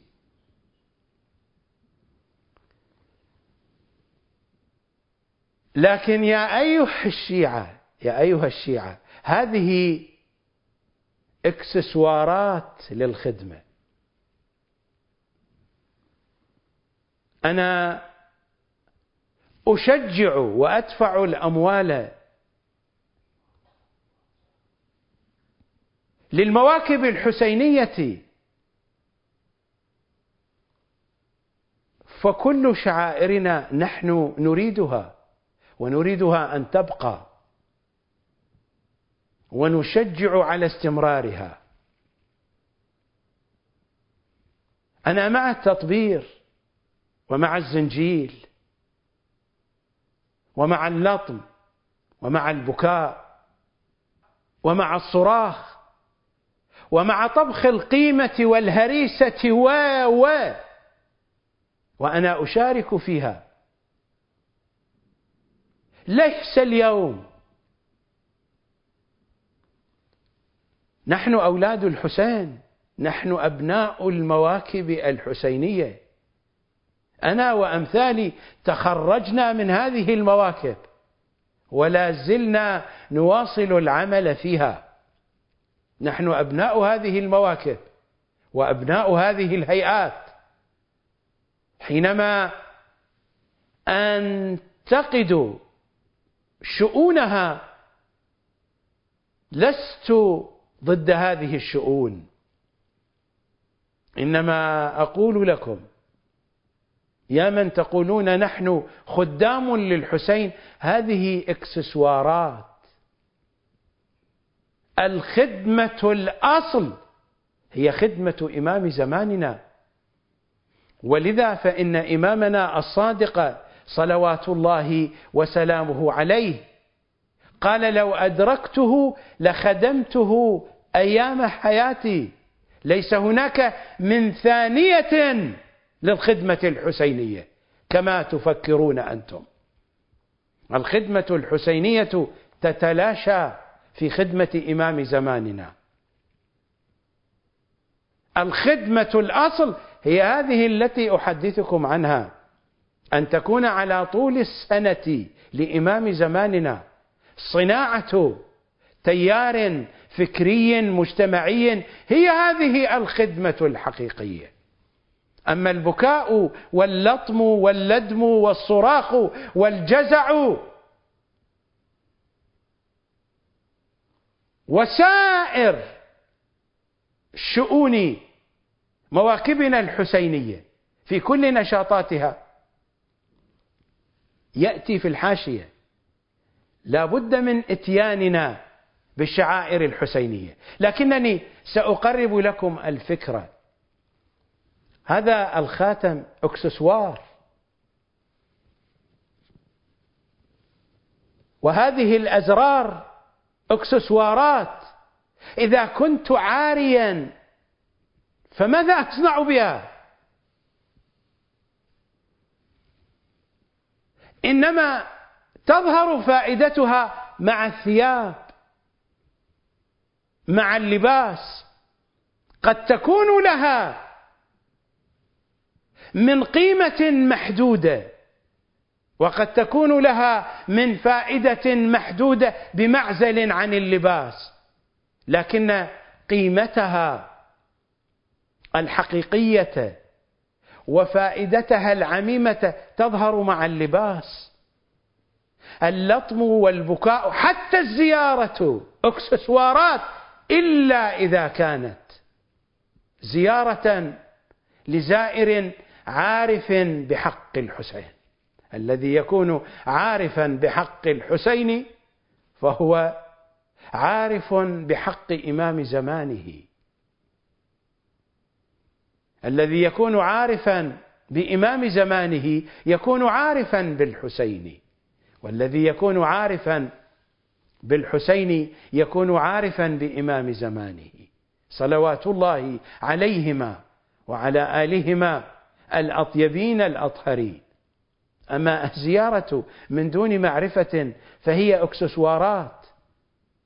أمور لها قيمة لها منفعة لكنها محدودة جدا جدا جدا.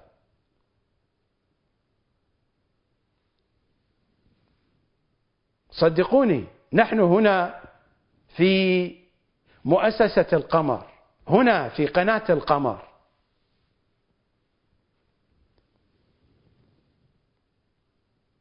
كادر القناة.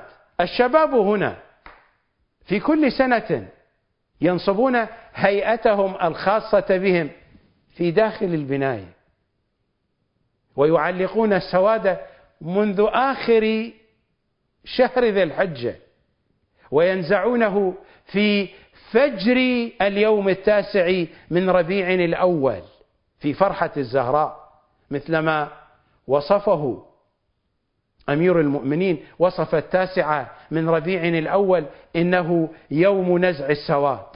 فإننا ننزع سواد المؤسسة في التاسع من ربيع الأول.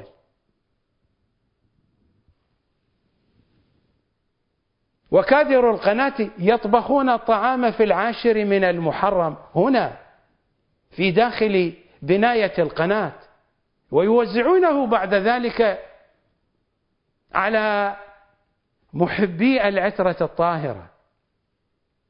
لكن هذا لا يعد بشيء. وأنا في كل سنة أمازج القيمة التي يطبخونها بتراب الحسين. لكن هذا أمازجها بيدي بنفسي. لكن هذا لا يعد بشيء. هذه أكسسوارات في الخدمة. الخدمة الحقيقية هي هذه التي أدعوكم لها. حينما أنتقد الخدمة الحسينية التي تمارسونها أنا نفسي أقوم بها.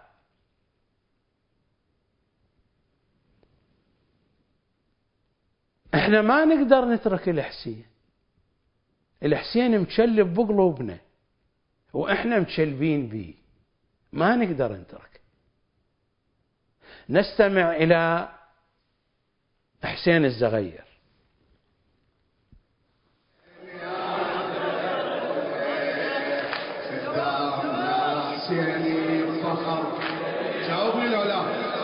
يتروى من جد عيدة جاوبني.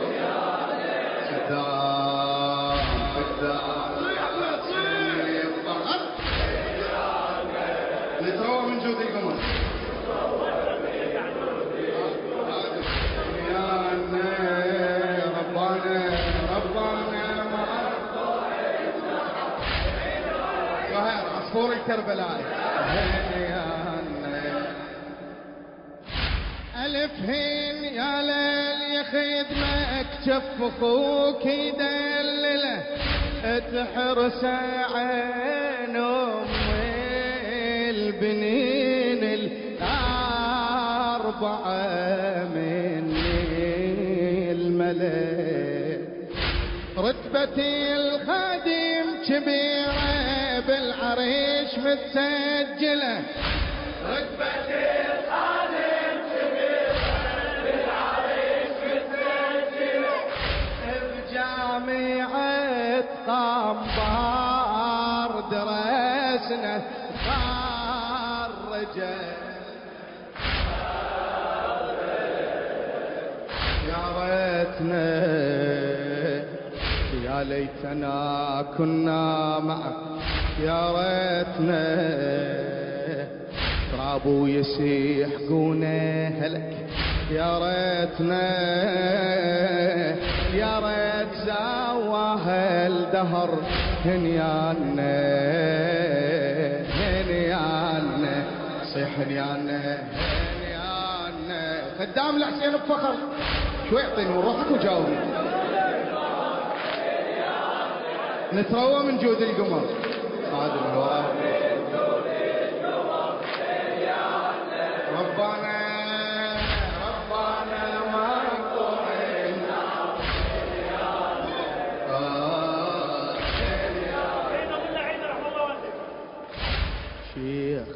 وعقالوا اسولف لكن ببختك حكيت ولين انت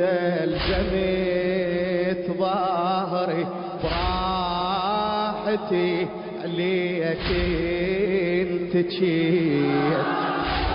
شيخ وعقالوا اسولف لكن ببختك حكيت ولين انت الجميت ظهري براحتي عليك انت جيت.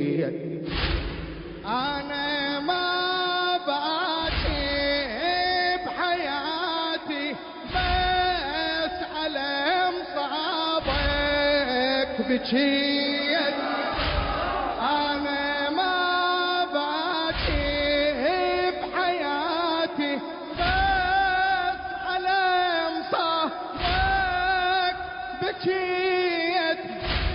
كلمة الخادم مذلة وبيها لعيونك رضيت يصيحونا قدام ونجاوب نعم يصيحونا نتباهلوا صاحا وخدم يصيحونا قدام ونجاوب نعم يصيحونا نتباهلوا صاحا وخدم صيحونا يل صيتنا بزودك كبر هنيانا هنيانا صيح هنيانا هنيانا جاوبني حتى عيد خدام. خدام لا سيني الفرح تروى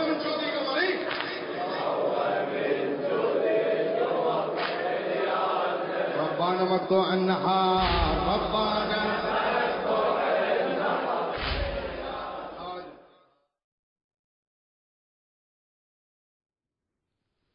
أريد منكم أن تقارنوا بين وثيقتين سأعرضهما بين أيديكم.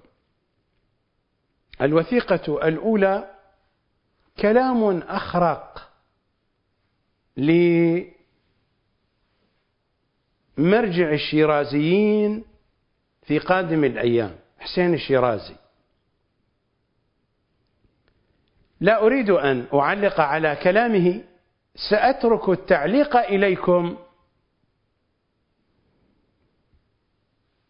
وأتمنى عليكم أن تقارنوا بين مضمون هذه الوثيقة وبين وثيقة أخرى سأعرضها عليكم تباعا. رجاء اعرضوا لنا الفيديو الذي يتحدث فيه حسين الشيرازي عن الشعائر الحسينية. أقدس المقدسات التطبير. يقول هذا وهن الدين. شوفوا وهن الدين فد مفهوم مو مستحدث مفهوم موجود في الفقه. أكل عليه الدهر وشرب يجي يعطي له أبعاد زوايا. هذه الزوايا أنت من حيث لا تشعر. تشوفه بالفعل وهن دين. خلاص. هذا خداع العقل. يعطي كم زاوية يخلي له فأنت هاي الزاوية تعطي انطباعات على هذا المفهوم. تحول هذا المفهوم اللي أقدس المقدسات. التطبير شعائر الحسين. شعائر الحسين قدسيته مو أقل من ضريح الحسين ولا من جسم الحسين صلوات الله عليه. شعائر الإمام الحسين ليست قدسيتها أقل من جسم الحسين عليه الصلاة والسلام. لأنها الدين.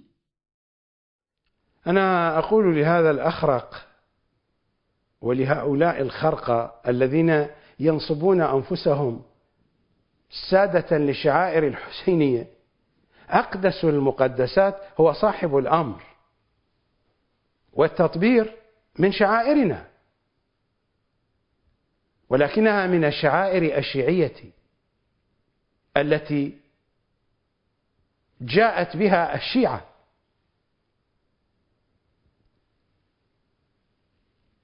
فليس التطبير بأقدس المقدسات. أقدس المقدسات هو صاحب الأمر.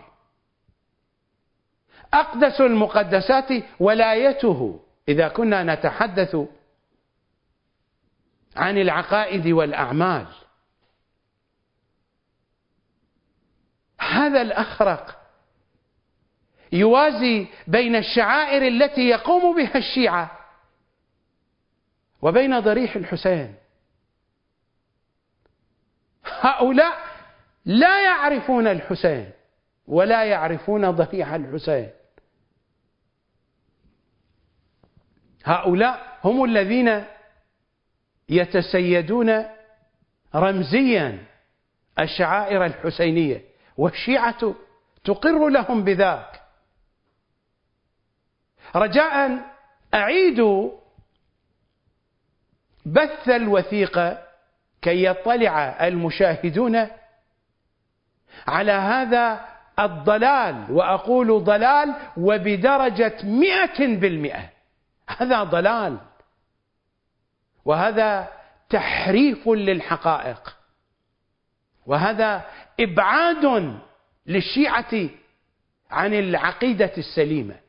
هذا الضلال بعينه بدرجة مئة بالمئة. أقدس المقدسات التطبير. يقول هذا وهن الدين. شوفوا وهن الدين فد مفهوم مو مستحدث مفهوم موجود في الفقه. أكل عليه الدهر وشرب يجي يعطي له أبعاد زوايا. هذه الزوايا أنت من حيث لا تشعر. تشوفه بالفعل وهن دين. خلاص. هذا خداع العقل. يعطي كم زاوية يخلي له. فأنت هاي الزاوية تعطي انطباعات على هذا المفهوم. تحول هذا المفهوم اللي أقدس المقدسات. التطبير شعائر الحسين. شعائر الحسين قدسيته مو أقل من ضريح الحسين ولا من جسم الحسين صلوات الله عليه. شعائر الإمام الحسين ليست قدسيتها أقل من جسم الحسين عليه الصلاة والسلام لأنها الدين. هذا منهج شيطاني يحول الشعائر الشيعية التي هي وسيلة شيعية إلى هدف. هذا تحريف للعقول عن إمام زماننا. هذا هو الذي أنكره من الخدمة الحسينية. هذا هو الذي أكفر به من الخدمة الحسينية. مثل ما قلت لكم الخدمة الحسينية هذه التي يتحدثون عنها هذه أكسسوارات. للخدمة الحقيقية التي يتحدث عنها إمامنا الصادق صلوات الله عليه. لو أدركته لو أدركت القائمة لخدمته أيام حياتي. قارنوا بين هذا المنطق الضال وبين منطق مؤسسة القمر للثقافة والإعلام في رسالتها الموجهة إلى سيدة الإعلام الحسيني إلى عقيلة بني هاشم. يا زهراء إلى جلالة عظمة فخامة سيدة الإعلام الحسيني. إلى التي وصفها العدو والصديق من أنها تفرغ عن لسان أبيها أمير الوجود. إلى درة الدرر العلوية. وأقحوانة أقاح العفة الفاطمية. إلى أمثولة الكرامة والإباء. وأنموذج الصفاء والنقاء. إلى سيدتنا وتاج رؤوسنا زينب. ولا نقول الكبرى. فهي أسمى من أن نصفها بذلك. سلام. سلام. على أحزانك الطويلة سلام. سلام. على آهاتك الشعيلة إنا لنخجل أن نسلم على دموعك القاتلة القتيلة سلام عليك يا طوفان الألم. ومجمع بحار الهموم والغموم. نحن خدام أخيك القمر. هكذا نسمي أنفسنا. ومؤسستنا. ولا نعلم هل يرتضينا أو لا. لا. ندري بماذا نواسيك. وكيف نواسيك. فألهمينا. وأفهمينا يا مصدر الإلهام والإفهام في ساحة التبليغ والإعلام. سيدتنا. وتاج رؤوسنا. من ذا الذي يمحو ذكركم؟ أو يميت وحيكم؟ أو يدرك أمدكم؟ وأنت حارسة الإعلام العلوي. وأميرة البيان الحسيني. وهل رأيهم مهما كانوا؟ ومن كانوا؟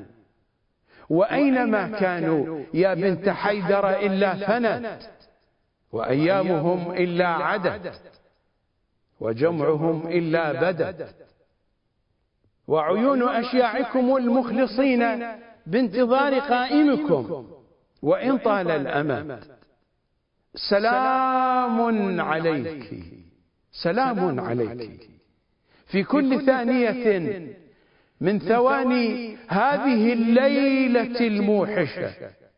وكل آن من آناتها. سلام على إمامك السجاد. زين العباد. وعليك. وعلى جميع أسارى آل محمد. كبارا وصغارا.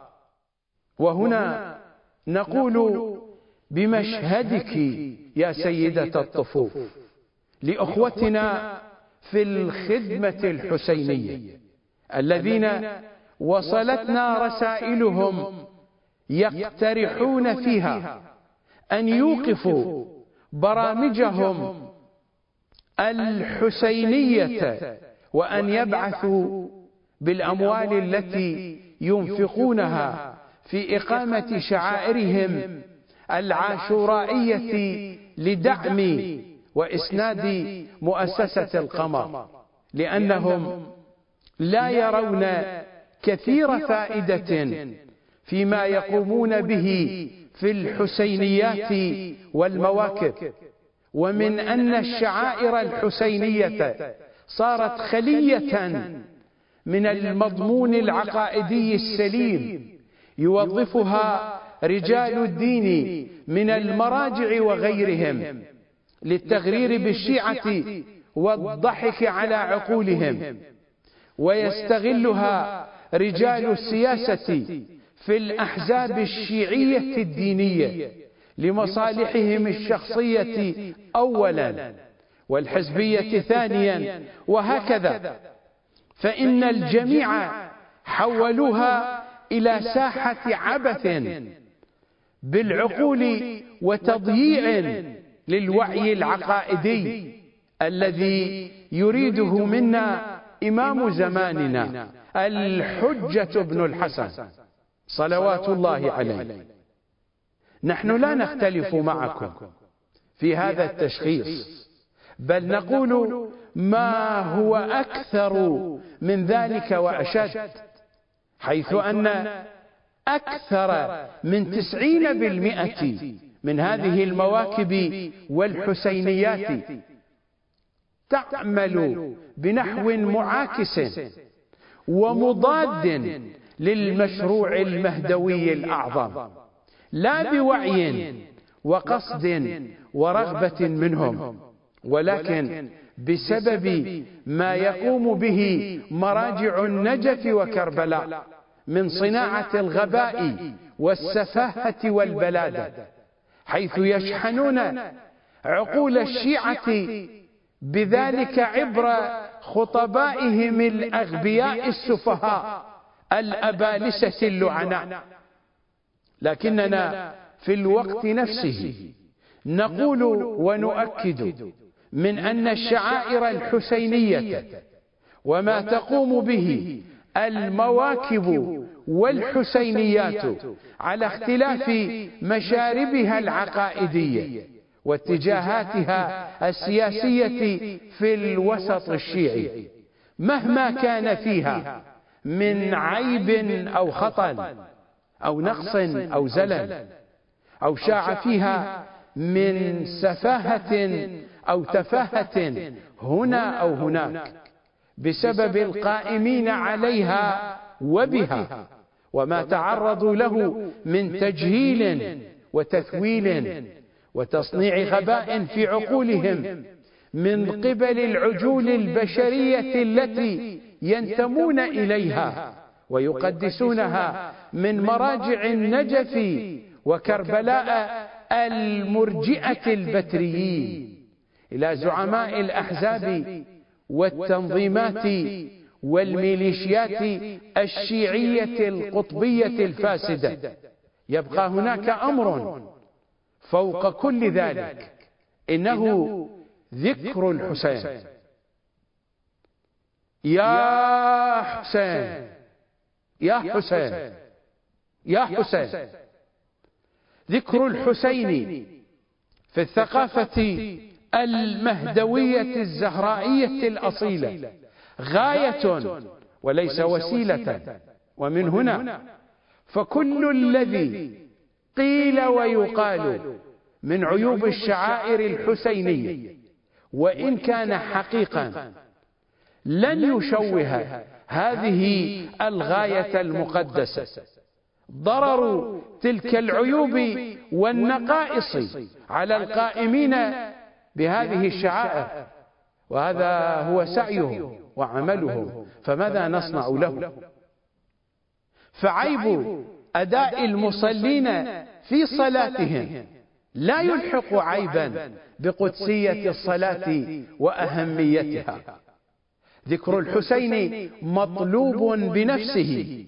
فصرخة يا حسين. لا بد أن تستمر. ولا بد أن تعتلي. القضية أعظم من أن الحسين رمز للإصلاح في مواجهة الإفساد وإن كان كذلك. ومن أنه رمز للحق في مواجهة الباطل وإن كان كذلك. ومن أنه رمز للعدل في مواجهة الظلم. وإن كان كذلك. ومن ومن ومن اذكروني أذكركم. ذكر الله هو عنوان العلاقة بين الخالق والمخلوق بعيدا عن أي دين مرسوم بالوحي أو غيره. فالدين علاقة بين العبد وربه. يؤاخذ به العبد. ولا يؤاخذ به الله. أما ذكر الله فهو روح العلاقة بين الخالق والمخلوق ضمن إطار الدين المشروع إلهيا. أو خارج هذا الإطار بالنحو الذي يرتضيه الله. فكذاك ذكر الحسين بما هو هو في الثقافة المهدوية الزهرائية الأصيلة. حقيقة تتجاوز كل الذي ذكر من التفاصيل أو لم يذكر.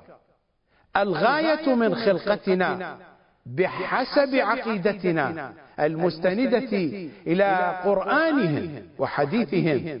صلوات الله عليهم. تطبيق وتحقيق المشروع الإلهي الذي يتجلى ابتداء. بالظهور المهدوي والخلاص القائمي مرورا بالرجعة العظيمة. وغاية ذلك الدولة المحمدية العظمى التي هي مشروع الله الأعظم. يا حسين روح وحياة ومصدر طاقة كل ذلك. والمجلى الأوضح لحقيقة معنى حسين مني وأنا من حسين. أيها الزهرائيون أيها الحسينيون أيها المهدويون يا أشياع الحجة ابن الحسن. أيها المنتظرون حذاري حذاري. حذاري ونقولها كرارا ومرارا. حذاري. حذاري حذاري أن تسيئوا فهم مقاصد برامج قناة القمر الفضائية. التي تدعوكم إلى احترام عقولكم والاهتمام بالوعي الزهرائي والعقيدة المهدوية السليمة. فنحن لا قيمة لنا جميعا. من دون يا حسين. يا حسين هي التي أنجبتنا. يا حسين هي التي كونتنا. وإن كنتم وجدتم فيما تقدمه مؤسسة القمر من وعي وفكر عقائدي أصيل منفعة عظيمة لكم. فذلك لأنها تنطلق من عميق فكر. عنوانه في الفاتحة والخاتمة. يا حسين. يا حسين. يا حسين. يا حسين. يا حسين. أمنا وأبونا. فإيانا وإياكم من العقوق. لابد أن تعرفوا ويعرف الجميع من دون يا حسين. فإننا لا نساوي فلسا ممسوحا. والفلس الممسوح كثير علينا. لكنها اللغة القاصرة والأمثلة المتوفرة. يا حسين. يا حسين. يا حسين. إليها ننتمي. ومنها نبدأ وإليها نعود. بها نحتمي. وبها نعوذ ونلوذ. كل خير عندنا منها. ونجأر بها إن أحاطت بنا الشرور. قد لا نبكي قد لا نزور. قد لا نلطم الوجوه أو نلدم الصدور. العوائق قد تعيقنا. عوائق الزمان والمكان. عوائق المشاكل والمشاغل. لكن الأهم والأهم من الأهم أن نكون في كل أوقاتنا وجميع حالاتنا أوفياء لأغلى عناوين وجودنا. يا حسين. وأن نحافظ على جذوة حماس خدمتنا الحسينية المهدوية متوهجة متقدة في عقولنا وقلوبنا مهما فعله الأعداء بحقدهم والأصدقاء بغبائهم. محاسننا وقبائحنا التي هي منا وإلينا في أجواء الشعائر الحسينية. وما يترتب عليها من الآثار الاجتماعية والسياسية والإعلامية والتربوية. إيجابا وسلبا نفعا وضررا. ستبقى مهما بلغت أهميتها جانبية بالقياس إلى استدامة ذكر الحسين متألقا سامقا في واقع حياتنا العقائدية والإنسانية معا. إذ أن هذا له ارتباط وثيق ومباشر بالتمهيد لمشروع إمام زماننا صلوات الله عليه. وهذا هو واجبنا الأوجب. وتكليفنا الذي له الأولوية الأولى في عهودنا وبيعتنا العقائدية لبقية الله الأعظم. تحيات مباركة تترى على فنائه الأقدس. فليس من الحكمة اليمانية بأي وجه من الوجوه أن نقصر عامدين في إقامة الشعائر الحسينية التي نعرفها بسبب خلل فينا. نحن الذين نقيمها. ويؤدي ذلك إلى تعطيل ذكر الحسين صلوات الله عليه. ومن ذا يستطيع أن يمحو ذكره. يا حسين. يا حسين. يا حسين. كم حاولوا إغراقك يا أيها الطوفان الإلهي العجيب الجارف لقد جرفت أمواجك المتلاطمة كل باطلهم. وأنقذت سفينة نجاتك كل حقنا. يا حسين. يا حسين. يا حسين. كم حاولوا أن يخدعونا بنعومة عقلانيتهم. أو ما يسمونه بمبادئهم العقلية. لكن سر جنوننا بهواك جننهم. يا من هواك أجمل الجنون. يا حسين. يا حسين. يا حسين. يا ذكرا سبحانيا. يتجاوز الأذكار طرا. ويطير محلقا. يهزأ بكل عمق شاسع تدعيه كل الفلسفات. ويا مسرعا. إلهيا عملاقا ليس إلكترونيا. ويا مسرعا إلهيا عملاقا ومعجلا محمديا علويا. كل المسافات الضوئية وما بعدها تساوي عنده صفرا. تراب ينسب إليه. تراب كربلاء. السجود عليه يخرق الحجب السبع. ما قبل العرش وما عند العرش وما بعد العرش. يا رقما ثابتا تستحيل عنده الزيادة والنقصان. وتتجاوز حدوده. ما بعد اللانهايات لا تستطيع كل قوانين الرياضيات أن تحركه. لا أن تغيره. ولو على سبيل الافتراض يا حسين. يا حسين. يا حسين. نعيش معها ونموت معها. تلك أغلى أمانينا. زبدة كل ما تقدم. نقولها لإخوتنا وأخواتنا وأبنائنا وبناتنا جميعا. نحن وإياكم. جزء من هذا الوجود الاجتماعي الحسيني الواسع بأخطائه وسلبياته. علينا أن نحافظ على وهج ذكر الحسين في كل زمان ومكان بقدر ما نستطيع. وأن نسعى بقدر ما نستطيع أيضا أن نبث الوعي في الوسط الحسيني. أن يخلصوا أنفسهم من قذارات العجول البشرية الجاثمة على صدورهم. من مراجع الدين الخبثاء الشياطين. وزعماء السياسة الشيعة القطبيين. إنهم العباسيون الجدد. المرجئيون البتريون. بتر الله أيامهم. وأنقذ الحسينيين المخلصين من شرهم وقرفهم.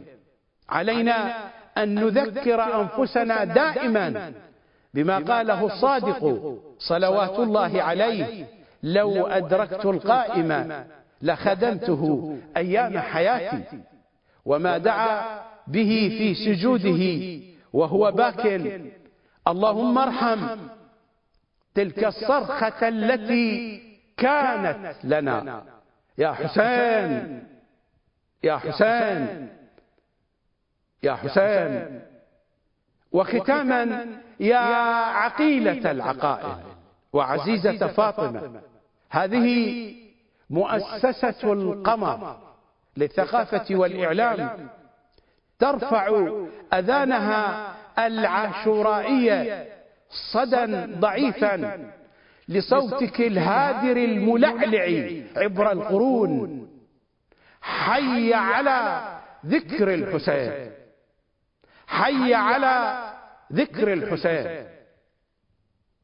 ليلة الحادي عشر من المحرم. سنة ألف وأربعمائة وأربعة وأربعين للهجرة. زهرائيون نحن والهوى. والهوى زهرائي. زهرائيون نحن يا بقية الله. والعشق كربلائي.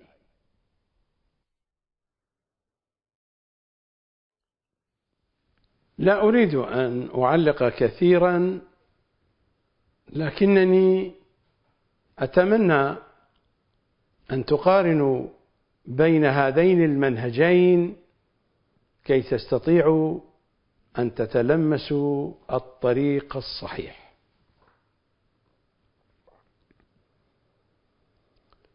أعود إلى ما جاء في دعاء زمان الغيبة والذي وردنا من الناحية المقدسة. اللهم ولا تسلبنا اليقين لطول الأمد في غيبته. وانقطاع خبره عنا. ولا تنسنا ذكره وانتظاره والإيمان به وقوة اليقين في ظهوره والدعاء له والصلاة عليه حتى لا يقنطنا طول غيبته من قيامه. ويكون يقيننا في ذلك كيقيننا في قيام رسولك صلواتك عليه وآله. وما جاء به من وحيك وتنزيلك. فقو قلوبنا على الإيمان به حتى تسلك بنا على يديه على يدي صاحب الأمر. حتى تسلك بنا على يديه منهاج الهدى والمحجة العظمى والطريقة الوسطى وقونا على طاعته وثبتنا على متابعته واجعلنا في حزبه وأعوانه وأنصاره والراضين بفعله. ولا تسلبنا ذلك في حياتنا ولا عند وفاتنا. حتى تتوفانا. ونحن على ذلك لا شاكين ولا ناكثين ولا مرتابين ولا مكذبين. ويستمر الدعاء بهذا النسق وهذا الاتساق.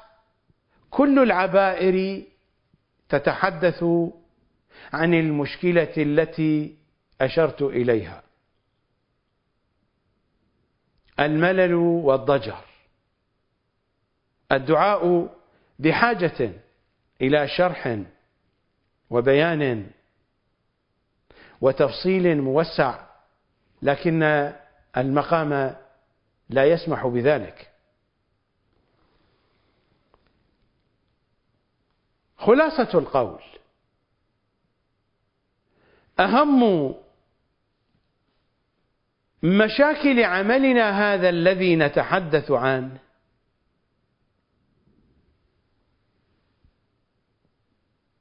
عدم الوضوح.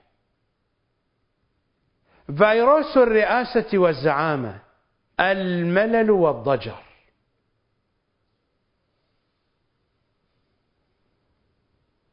علينا أن نتوجه إلى الزهراء صلوات الله وسلامه عليها. أن نطلب منها المدد والعون والتوفيق. أن نكون صادقين مع إمام زماننا.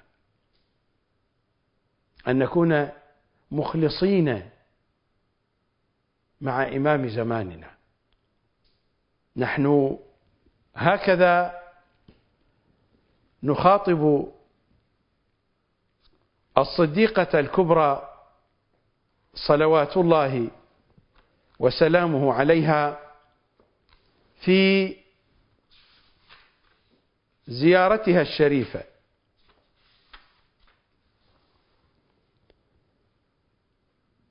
وزعمنا أن لك أولياء ومصدقون وصابرون لكل ما أتانا به.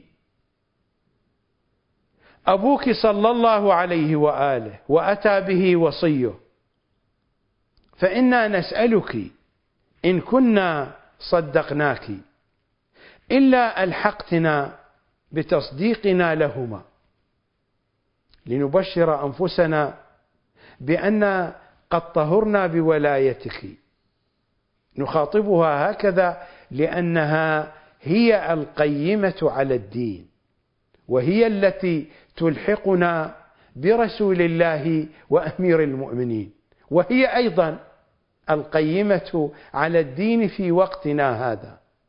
فإننا نتوجه إليها كي تلحقنا صادقين ومصدقين بإمام زماننا. ديننا هذا مثلما بينت لكم في مجموعة حلقات أعرف إمامك من أن الدين له قيمة وله قائم.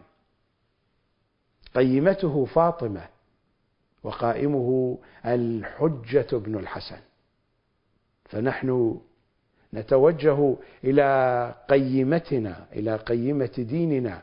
فهي القيمة على الدين وأهله. نتوجه إلى القيمة الفاطمة إلى القيمة الصديقة الكبرى. نتوجه إلى القيمة الزهراء الزاهرة. نتوجه إليها كي تلحقنا بقائم ديننا بقائم آل محمد. صلوات على قيمة الدين وعلى قائم ديننا الحجة بن الحسن. لا زال الحديث متواصلا في عنواننا صناعة تيار فكري مجتمعي. نلتقي غدا. إن شاء الله تعالى على مودة القيمة والقائم. أسألكم الدعاء جميعا في أمان الله.